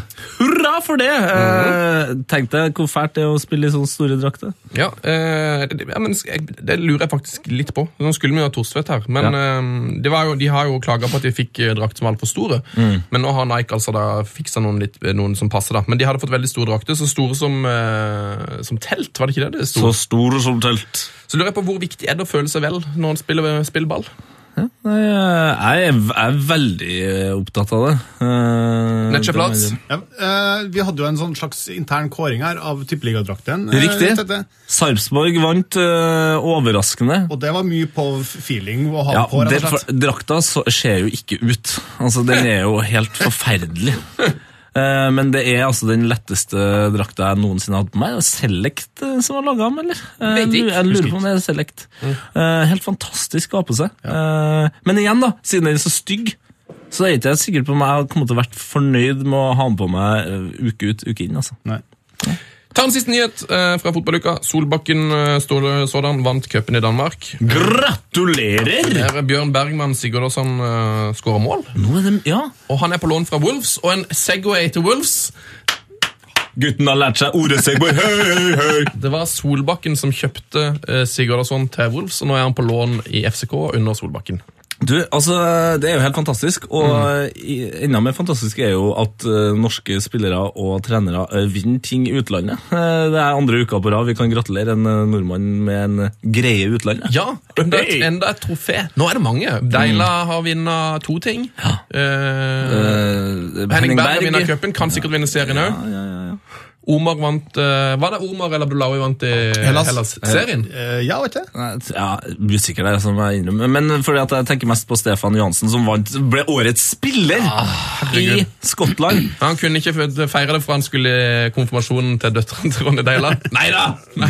Det var veldig morsomt, eh, Sven. Det som er trist, er at eh, Solskjær er jo ikke glemt, eh, og han har jo på en måte fått passe passet sitt påskrevet, som voksne mennesker sier. Det, det er jo folk her ute som mener at han den dårligste spilleren Nei, treneren noensinne i Cardiff. Han ble kåra til den verste spilleren Treneren. eh, ja, i, i Cardiffs historie. Verste treneren. Ja ja, men altså, vi heier på fotball. Skal vi gå til Brede, eller? Det kan vi godt. Syng med! Steinkjer, Steinkjer, Steinkjer. Det er ingen som vi, som fotballag som vi. Gå nå på, så skal vi sjå. Ingen kan slå SJFK! Velkommen til nettsjef Lars. Tusen takk. Og breddefotballspalten Alt vel, Lars. Alt vel. Veldig vel. Gleder meg til 16. mai-runden Ja, i det er spissefotballen. Eh, Det er i den spissa fotballen, ja. Ja. Og du skal på kamp! Ja, vi skal ikke det? Smal, Ja. Smalefotballen. Smal, ja, smalfotballen, ja. Ja, det skal på Lerkendal. Ja, Det skal ikke du. Jeg, er dessverre, jeg har dessverre ikke mulighet til å reise, men jeg skal se kampen på TV. Ja. Vi konge. Å, fy faen, jeg gleder meg. Men eh, nok om smal fotball. La oss snakke om brede. Ja, eh, Vi har fått eh, noen tips, da, vet du, som alltid. F.eks. for eksempel fra PK Klannerud på, eh, på Twitter. Hei, PK. Ja, PK. Han eh, tipser oss om ambisiøse Råde i IL. ja. Råde, da, som ligger mellom Moss og Fredrikstad, de satser stort. Rått og råde. De, de, ja, de, de er i femte divisjon Jeg sa det. og har henta inn spillere og trenere med første divisjon og tippeligaerfaring til klubben. Ja. Eh, Leder Knut Erik Berg sier til NRK at det er klubber i førstedivisjon som er mindre enn rådet, men vi skal ta bare ett steg om gangen. I første omgang går du for opprykk til fjerdedivisjon neste sesong. ja. Og så spør vi oss da, hvis de rykker opp til fjerdedivisjon allerede i første omgang, så er jeg spent på hva de får til andre, si. Ja, men, men de har i de, hvert må ha på, fall de må ha på uh, ekstraomgang og straffeomgang, for da er de jo oppe i tippeligaen for uh, Ekstraomganger. Da er de faktisk oppe uh, i tippeligaen Riktig. i løpet av en kopp. Nei, fjerde i andre første omgang, altså tredje i andre omgang, og så er det jo da andre divisjon, ekstra, Ja, Første i, Første i, i andre. straffekonk. Straffekonken, da er de i tippeligaen. Ja. Herlig fred. Gratulerer med tippeligaspill! Råde. Eh, få, få noe fakta her, så har de faktisk full pott etter fire kamper. 12 poeng og 32! Oh, herregud! To målforskjell! Oi. Så ja, målet 32 om plussmål eller 32 skårte? 32 skårte, 32 innslepte. Wow. Så målet om opprykk til fjerde, det holder de skjemaet. 32 skårte, 32 innslepte. Altså 32 skårte og to To innslepte. innslepte. Ok. Eh, så, Rett skal være rett her. Spennende hva de får til i Råde, da. Kanskje det blir de det nye nummer to-laget i Østfold, altså bak Sarpsborg 08. Nå som storhetene Moss og Fredrikstad er ute og Men sykler litt. Fredrikstad gjør det jo ganske solid, da. Ja, jeg tapte jo 6-1 nå, nettopp mot Jo, jo, jo, jo, men de er jo i Adecco. Var det mot Nest? Eh, Eller var det Nest, Nest? Det var nesten. Ja. 16. Neste sak! Det var rådet. Ja, Mina Berg har tipsa oss. Hei, Mina. Hei, hei. hei fotball, Mina. Ja. Fengselsfugl klar for HamKam. Ja. Det her er Darkness, ikke Det her er litt mørkt, da. Det er altså han eh, ba Bajram Ajeti fra Kosovo. Han er kosovobaner. Eh, Det er litt mørkt, som du sier, men eh, Ajeti har nå sona ferdig en dom på ti måneder.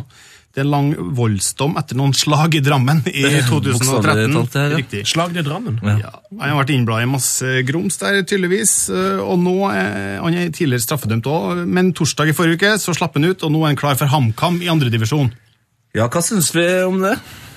Altså, er, hvor mange sjanser skal man ha, og eh, er, det, er, det, er det bra eller dårlig at han får fortsette å spille fotball? på en måte? Eh, Det er jo sikkert veldig bra for han. eh, å kunne, eh, altså han men han, han har mange voldsdommer. Nei, han er en, det er mange episoder, men én dom. Voldsepisoder, én voldsdom. Nei, det nå kjenner jeg ikke den saken her veldig godt. Men eh, jeg er jo veldig for å gi folk sjanse, men jeg er jo veldig imot folk som har voldsdommer. Så Ja. det er jo eh, her, Ja, det, det, tror jeg må tenke litt på. Du, du er generelt imot folk som har voldsdommer. Det, det er jo faktisk... Men igjen, da.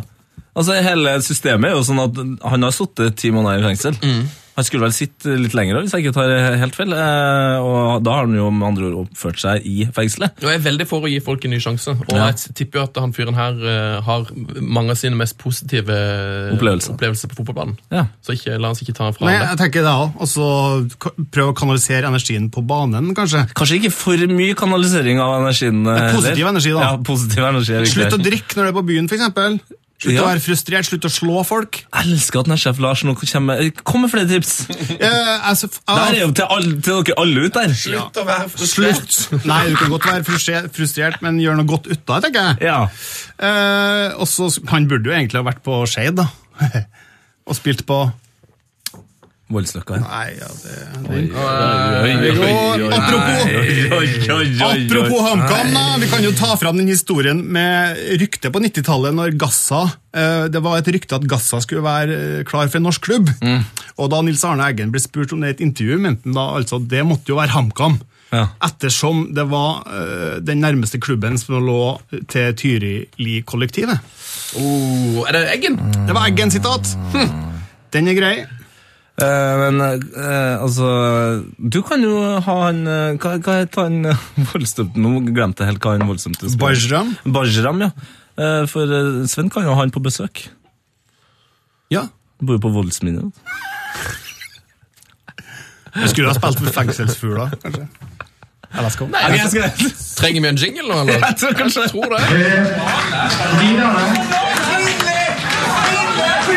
det. Nei, det Nei, vi går rett og slett over fra Mud Darkness til en gladsak. Hey. Oh, det trenger vi nå. Hei, gladsak! Hei, fotball, Hei, fotballgladsak! Hallo! Eh, ja, Vi har fått mange tips om denne saken, men jeg tror kanskje første var via mail fra Ole Friis Iversen. Hei, Ole Friis. Eh, veldig hyggelig at du sender e-post til heiafotballkrøllalfa.nrk.no. Det må du gjøre der hjemme gjerne gjøre. Det er veldig bra. Han bor i Grovfjord i Troms, eller Grov, da, eh, og kan melde om at klubben Grovfjord, eh, som spiller i fjerde divisjon, de kan melde om et snodig tilfelle av klubbrekord. Å, denne saken her elsker. I 2012 ble Markus Svendsen tidenes yngste målskårer i klubben da han skåra mot Harstad. Da var han 15 år og 202 dager gammel. Det er bra. Det, det er bra. Gratulerer med det. Senere samme sesong fulgte Jonas Rasmussen opp bragden og tangerte rekorden da han skåra mot Ballangen. Også han 15 år og 202 dager gammel. Er det mulig? To stykker! 15 år og 202 dager gammel. For et sammentreff. Og så, ikke nok med det. Klubbrekorden sto seg i tre år, til 1. mai i år, da Eirik Myrvang skåra mål mot Balsa i Lofoten og ble den tredje spilleren som kan kalle seg tidenes yngste målskårer i Grovfjord IL! All 15 år og 202 dager! Nei, men i alle, Hva er det som foregår borti Grov her, da? Åh, det er mulig, ass. Du satt- satte vel penger på det på oddsen, ikke det? Jo, jo, jeg satte 15 penger ja. Fantastisk. Men, men altså, det som er greia her, eh, altså, er det en sånn synkronligging eh, Altså Ikke at det ligger samtidig, men det er sånn Ja, nei, de fikk jo suksess med han 15-åringen når de lå sammen da, for at da ble han så gammel. Det skal godt gjøres, tenker jeg. Ja, men liksom. Har ikke målene kommet på forskjellige datoer? Så det, liksom, det er jo Jo, ikke det. jo, Det er jo jo. bare et helt sånn Så hvis du skal ligge der kosmisk uh, sammentreff av- Inception? av dimensjoner. Ja, det er Inception, faktisk. Hvis du skal ligge deg til et barn da, som blir tidenes yngste målskårer i Grofjord, så må du jo òg du må jo vite terminlista. i, øh, Ja, hva blir det? 15 år fram i tid? Men altså, liksom- Joralf kommer jo ikke fra Grov, eh, men han har jo tydeligvis eh, slekt der.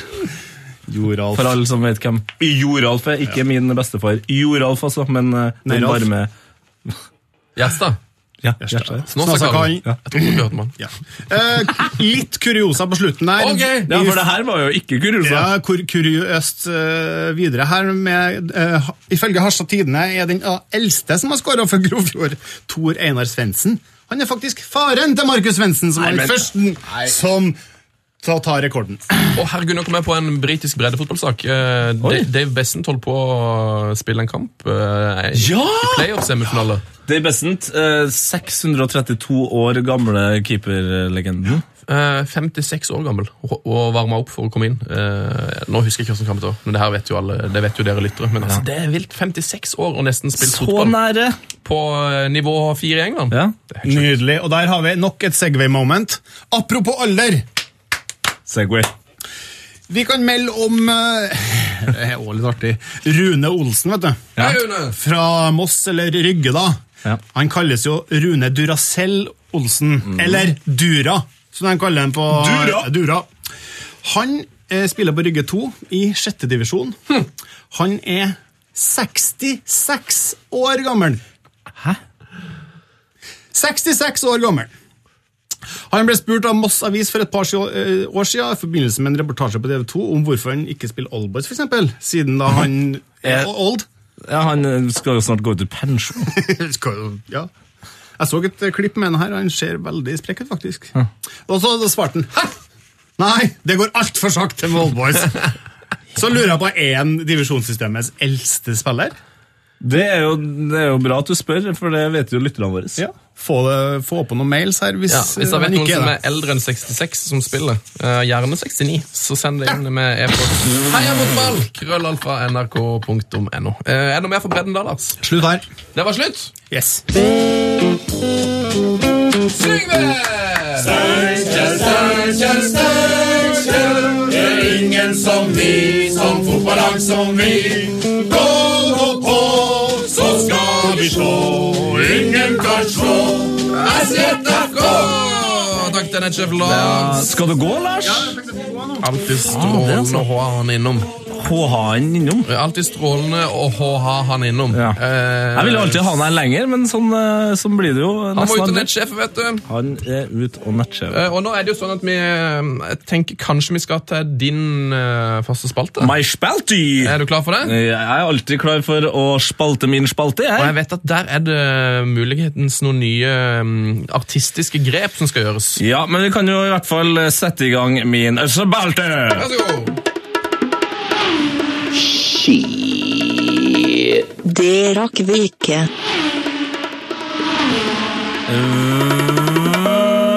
Velkommen til Shit, det rakk vi ikke. Den uka her anbefalte jeg og Hegstad-omganger som vanlige låter i Urørt på P3, men det skjedde noe uvanlig fint, for bak bandnavnet Hi Ho Mustachio fantes det en André Lersveen. Og i går så fikk vi bekrefta på Twitter han er i slekt med Ernstad Lersveen! Peter Check har vært snill gutt i år. Det, eh, han har sittet liksom veldig tålmodig på Chelsea-benken. Og det har julenissen satt pris på allerede, for han er ett steg nærmere ønsket i denne vakre tweeten han sendte ut før Real Juve-kampen. Let the best team win, but I would love to see the maestro win the cup in his hands. Vet, Vi rakk ikke å snakke om det, men hvem er det det med Maestro? Buffon. Ok. Nest-Sotra-treneren spark... Nei, Nest-Sotra sparka treneren! Hæ! Nå har nestsjefen tatt over. Men det er vel bare mens de venter på at nestsjef Lars tar over. Og helt til slutt i min nydelige spalte Skitter rakk så har vi nå funnet de nye skoene til Balotelli.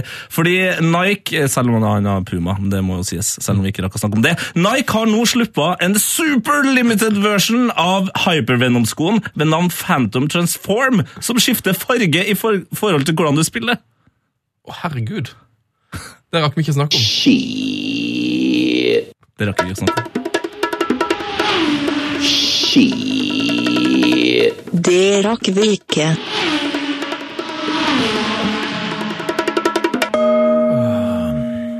Det er altså en av radio- og podkasthistoriens mest profesjonelle spalter. Shit, rakk vi I dag var det ekstremt rotete. Nei, nei, nei, nei, nei. Det setter jeg pris på.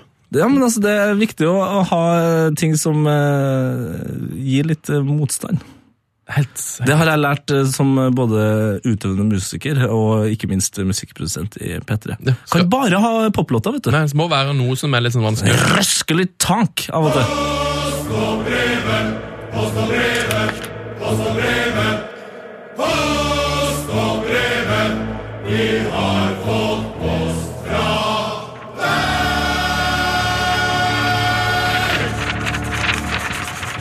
Og i denne uh, tidsalder 2015 så skulle man tro at man bare fikk uh, post og brevet via e-post og brevet.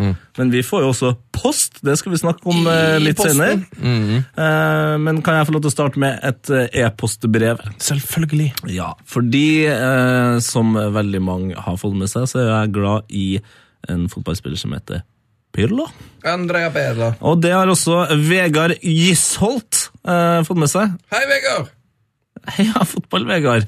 Uh, han har da skrevet her Hei, boys, og heia fotball. Eh, det som blir fortalt nå, er noe Tete burde lytte ekstra godt etter. Og det synes jeg jo er kjempefint, derfor har jeg lest den mailen her to, tre, fire, fem, seks, sju, åtte ganger. Grunnen er at andredivisjonsklubben Holmen, med lavest budsjett i andredivisjon, har startet et loddsalg som skal gå gjennom hele sesongen. Hvert lodd koster 50 kroner.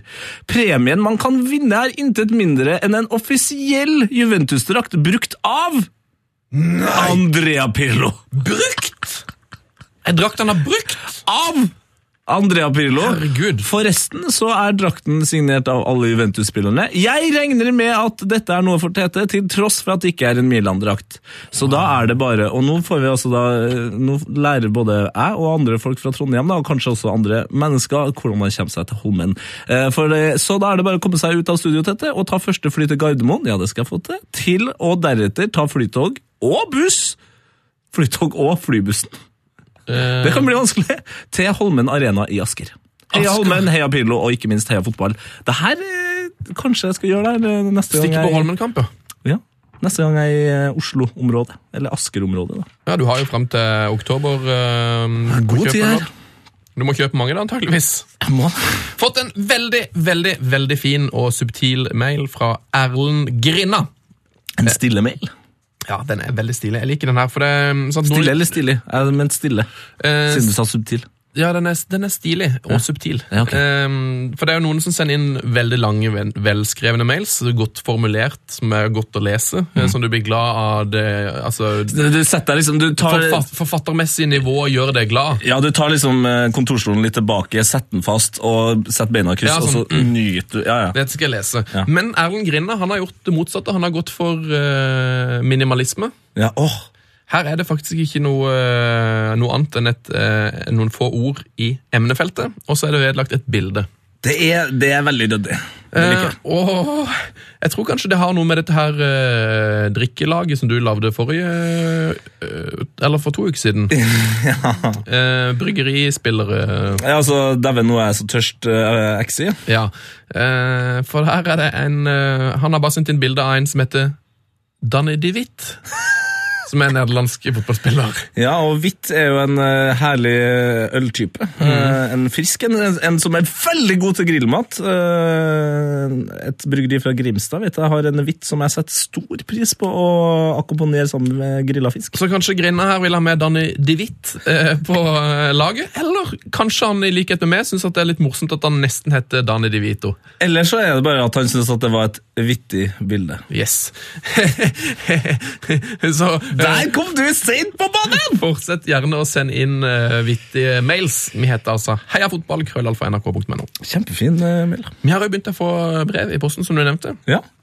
Uh, fått veldig mange fine gaver. Det er blant annet Podolsky-tyggis. Podolsky tyggis. Uh, altså Rispan. Ja. Det her fikk vi faktisk for ganske lenge siden. Eh, Det ble gjemt bort på kontoret mitt eh, i frykt av at vi skulle åpne det før vi kunne gi det ut til eh, våre lyttere.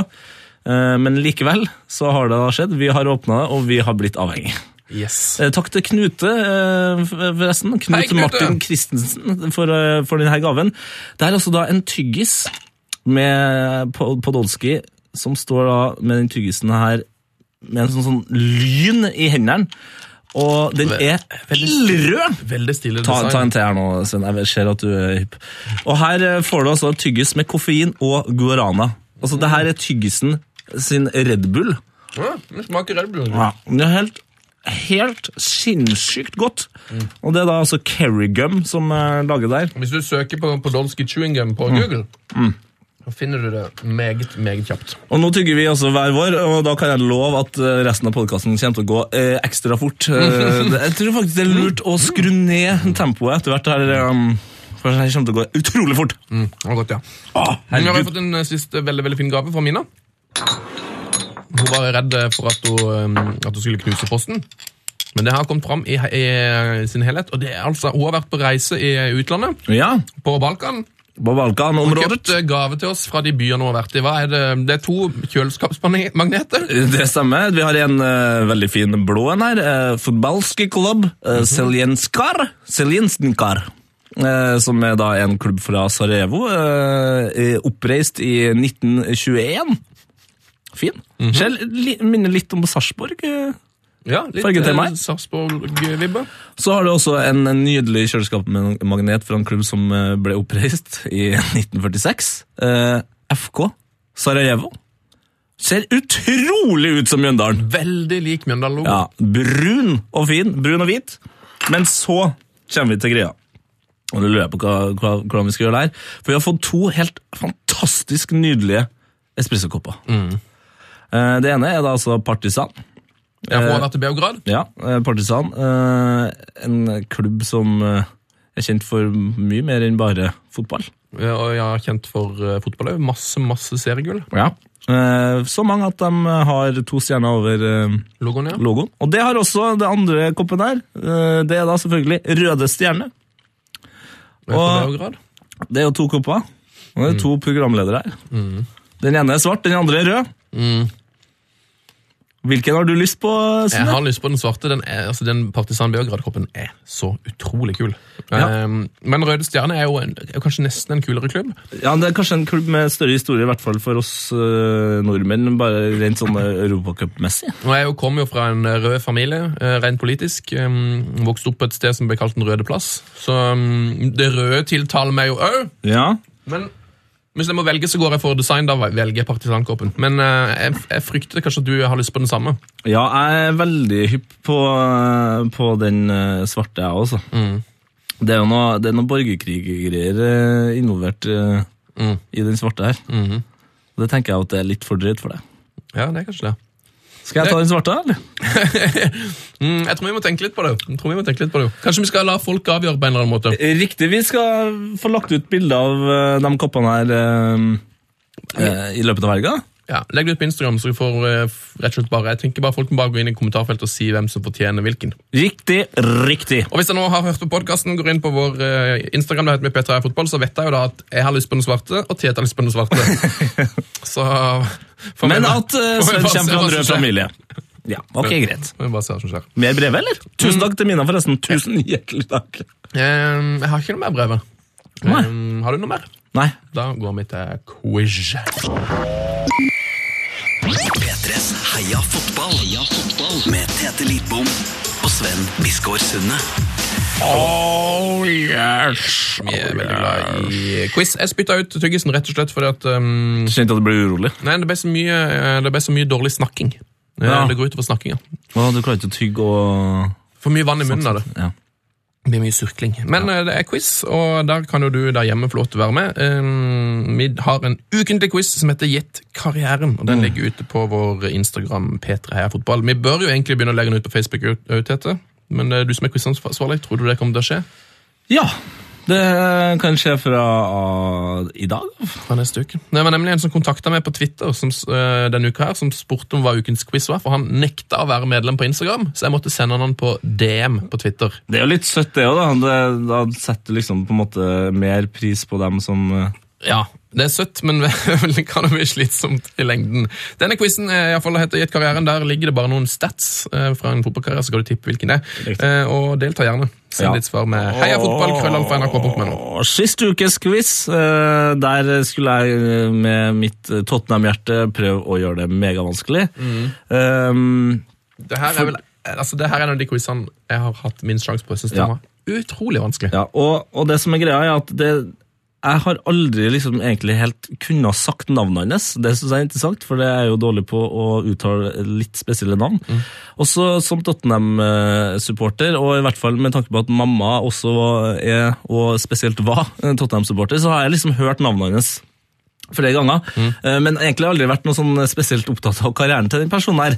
Eh, Det jeg er mest opptatt av, er at- han eh, etter karrieren eh, var kjent for å, å selge hoppeslott. Har han gjort det? Ja, Yes. Så, eh, men, så derfor tror jeg at denne konkurransen skal bli dritvanskelig, men dere leverer jo som vanlig. Og det har også Jørgen Dyrskog gjort. Han skriver Heia fotball, svaret på ukens konkurranse er John Chiedozi. Det liker jeg å si. Aldri hørt om. Han spilte i Tottenham på 90-tallet? eller 80? Ja, 80. John Chidozi. Chidozi. Eh, fin fyr som er glad i hoppende slott. Det syns jeg er topp. Eh, Så Jørgen, du skal få en eh, Heia fotballskjorte sendt til deg i Excel, ser jeg. Det Ja, er det, har, men det glemmer jeg faktisk ofte å si. at det, det du kan vinne her, er jo våre ekstremt eksklusive Heia fotball-T-skjorter. Jeg tror det er bare lagd la meg si 180 stykker eller noe i verden. Ja, og eh, i den fargen her, ja. Eh, Burgundy. Og vi har bare delt ut eh, 30-40 stykk. Ja. Så det er, de er svært eksklusive og Det er en annen har på seg skjorte fra Jack and Jones eller Hennes og Møres. og veldig, veldig fine. Eh, Så hvis du har lyst på en sånn skjorte, så må du delta i vår quiz. På Instagram eller Facebook nå, da. Ja, Eller send en tåredryppende vakker mail om hvorfor akkurat du skal få ei skjorte. Men det må være eh, ja, Da må vi høyt. Da, da, det må være noe helt vilt. Som for eksempel eh, Jeg hadde et tøft år, kom nettopp ut av fengsel for en voldsdom. Prøve å gjøre det bra igjen. Eller hvis du sender inn sånn hei, spiller fotball i Malmö, jeg har blitt kalt nazist av Tete Lidbom. Ja, Eh, eller, eller hei, jeg spiller fotball på en av eh, Englands aller beste lag, eh, men klubben glemmer stadig vekk å gratulere med dagen. Hei, hei, jeg heter Steven Gerrard, skal legge opp min Liverpool-karriere nå, holde pressekonferanse om det. Eh, stikk til, til USA nå, kun tenk meg noen nye klær. Ja. Så kan det være du får Klær jeg kan skli, si! klær du kan. Skli, si! Å, det skjønner jeg ikke. Gerard trenger klær han kan skli i. Nei! Tok du skli-vitsen? Åh, ah, tete far. Skal vi gå videre? Ja, Hvis ikke du har noe mer å si om Steven Gerrard, vi glemte å nevne han i nyhetene. Han uh, spiller sin siste kamp på Anfield Hæ? den Spill- eh, helga. Spiller han sin siste kamp? Han har spilt sin siste kamp uh, i et halvt år nå, føler jeg. Jeg tror han hadde spilt sin siste store kamp eh, mot Chelsea. Ja, altså Det er så dårlig gjort mot eh, Crystal Palace, uh, blant annet de skal møte nå, tror jeg. Det var jo sånn, Nei, vi må nok eh, få, få på noe ordentlig store greier her, for nå skal han han må få kake. Eh, han har spilt sin siste store kamp eh, nå, og så skal han spille sin siste kamp på Anfield. Hva skjer med det siste laget han skal spille mot, da? Det, oh ja, da spiller sin siste kamp, da. Nei, men det, kommer, det kommer til å bli trist. Gerrards siste. Siste, re- siste reise. Visste du at det er en fyr som har spilt flere kamper, uh, skåra flere mål uh, og vunnet flere trofeer, uh, som også er engelskmann og har spilt på det engelske landslaget, som også uh, skal til USA, eh, som spiller sin siste kamp eh, i en klubb som ligger over eh, Liverpool på tabellen? Nei jo, Frank? Ja, Frank Lampard, ja. Frank Lampard, ja. Det er på en måte glemt oppi alt det her. han. Ja, men det kan jo være noe, ha noe med at han egentlig stakk i fjor, og at folk trodde han var i Nå trodde folk at han var i USA, og Ja. så bare Nei, jeg skal spille for Manchester City et år. Ja, Kanskje det er derfor. det kan være det. Vi brukte, vi brukte jo en del tid på Lampard i fjor, men igjen, kan vi bruke litt tid på han i år òg. Ja, eh, Du kan jo eventuelt hylle han i vår Glory Hall. Nei, du vil for det. det, det, det er du som har Er det min tur denne uka? Heia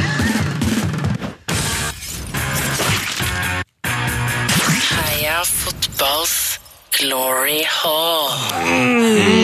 Kosetid! Jeg kjører, jeg kjører Usain Bolt-feiringa Feiringa. her. Hall, peker opp mot Hall. Motherfucker! Opp i himmelen. Fy fader, altså. Vi har en Glory Hall. Der hyller vi våre favorittspillere i verdenshistorien. Eh, de eh, fineste eh, Vakreste, kuleste. kuleste, rareste. Av og til også Storligste. Eh, av og til også sånn, kanskje nesten dårligste. Ja. for vi har jo blant annet putta den i Maldini, selvfølgelig. Mhm. Og det, da tenker jeg ja, selvfølgelig. Han er kategorien god. Kategorien god, eh, så har vi jo, eh, som jeg putta inn sist nå, Alvaro Recoba. Kategorien god. Kategorien crazy god når han ville. Mm. Eh, Men vi har også putta inn Stefan Guivers. Ja, han hylla meg litt for det at han ikke skåret så mye mål. Ja, men han gjorde jo det. Han var jo veldig god, men ikke når det gjaldt. Ikke når eh, Ikke i Newcastle, iallfall. Ikke i Newcastle, ikke når eh, hele landet og lagene hans vant VM. Da skulle han ikke skåre mål. Eh, I dag um, Jeg må nevne at vi òg har hylla Batistota. Vi har hylla Batistota. Bartigol. Eh, I dag skal vi hylle en ny helt. Og i dag er det faktisk sånn at det er en spiller jeg knapt ikke hadde hørt om før. Det er en eh, lytter som har eh, gitt oss muligheten til å hylle en helt fantastisk spiller. Får inn så mange lytt tida. at Det er helt nydelig. De legger ei mappe, eh, og så kommer vi til å ta dem igjen mellom, så fortsett gjerne å sende inn. Gjør det. Ukens eh, lytterhall er fra en mann som kaller seg for Rune Landquist. Rune Landquist! Eh, Rune er nok, Det er nok hans navn. Han kaller seg nok ikke bare for det. Jeg tipper han heter Rune Landquist i folkeregisteret. Ja, han er vel fra Bergen, hvis jeg ikke har tatt helt feil. Det er jeg veldig usikker på. Han skriver iallfall Først vil jeg applaudere for en briljant podkast. Jeg hadde ærlig talt ikke hørt om programmet før for et par-tre uker siden, da en kollega tipset meg om podkasten. Eh, jeg begynte med Ørjan Hopen og har sikkert hørt gjennom over 15 program etter det. I alle dager! Tusen hjertelig takk, Rune. Herlig podkast for en fotballgal type som meg, men denne glory hallen deres har store huller. Glory hole. Eh, den har store holes, kan du si. Mitt forslag følger eh, Her er det altså noe han mener er en nødvendig utvidelse. Han går bare rett på. Rett på sak. Yes, Luigi Meroni. Hørte man? Drible Jo, jo. Jeg. Jeg hadde ikke hørt om han, tror jeg, før, den, eh, før jeg fikk denne mailen. Driblefantomet fra Como. Han ble solgt til Genoa som 19-åring i 1982. og Her ble han en stor helt blant hjemmefansen, eh, til tross for en episode etter siste serierunde 1963, hvor han glemte i hermetegn dopingkontrollen. Oi. Eh, Meroni glemte altså dopingkontrollen. De tre andre som ble kalt inn eh, på kontroll, testa alle positivt for amfetamin. Eh, Meroni slapp unna med lusende fem kamper utestengelse for å droppe dopingkontrollen. Lurt av han. I 1964 ble Meroni solgt til Torino. Her ble han en superstjerne og fikk tilnavnet La Granata Butterfly. Oh, Det fikk han fordi han nærmest fløy forbi motstanderne med sin dribleserie. Men også utenfor banen gjorde Meroni seg særdeles bemerket. Han hadde langt hår og enten skjegg eller bart, noe som ble uglesett i datidens konservative Italia. Meroni fikk kun seks landskamper. Og ble lenge utelatt grunnet for lite representabel hårfrisyre. Eh, Han ble sett på som en ustelt hippie. Eh, Han lytta til jazzmusikk, han malte litt, eh, han var kunstner, skrev poesi, leste litteratur og levde i et utrad utradisjonelt forhold med en ung kvinne som var gift med en annen mann. Så det er Oi. altså litt av en type. Litt sånn eh, den italienske George Best, er det overfor her. Ja. Hans klesstil var mildt sagt spesiell, og han designet ofte sine egne klær. Og en litt uh, Arshavin-type. Eh, rå type. Meroni festet mye, ofte på utradisjonelt vis. En gang tok han med seg en høne på fest, som han forsøkte å dresse opp i en badedrakt. Denne hønen ble hans følgesvenn. Han tok den ofte med på trening og kommenterte bare tørt til en journalist en gang. Andre har en bikkje, jeg har en høne. Sommeren 1967 så aksepterte Torino et bud på Meroni fra sin lokalrival Juventus. Det her førte til oppstandelse og protestaksjoner i hele Torino. Dermed ble altså overgangen skrinlagt, Nei! og Meroni ble værende i Torino. Fansen ville rett og slett ikke la det skje. Utrolig. 15. oktober 1967 ble Luigi Gigi Meroni drept i en tragisk bilulykke.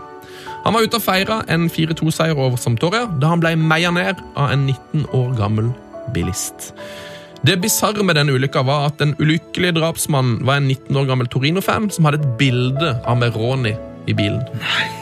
19-åringen het Attilio Romero, og for å gjøre det fullstendig bisarr så overtok Romero, altså drapsmannen, som klubbpresident i Torino i år 2000.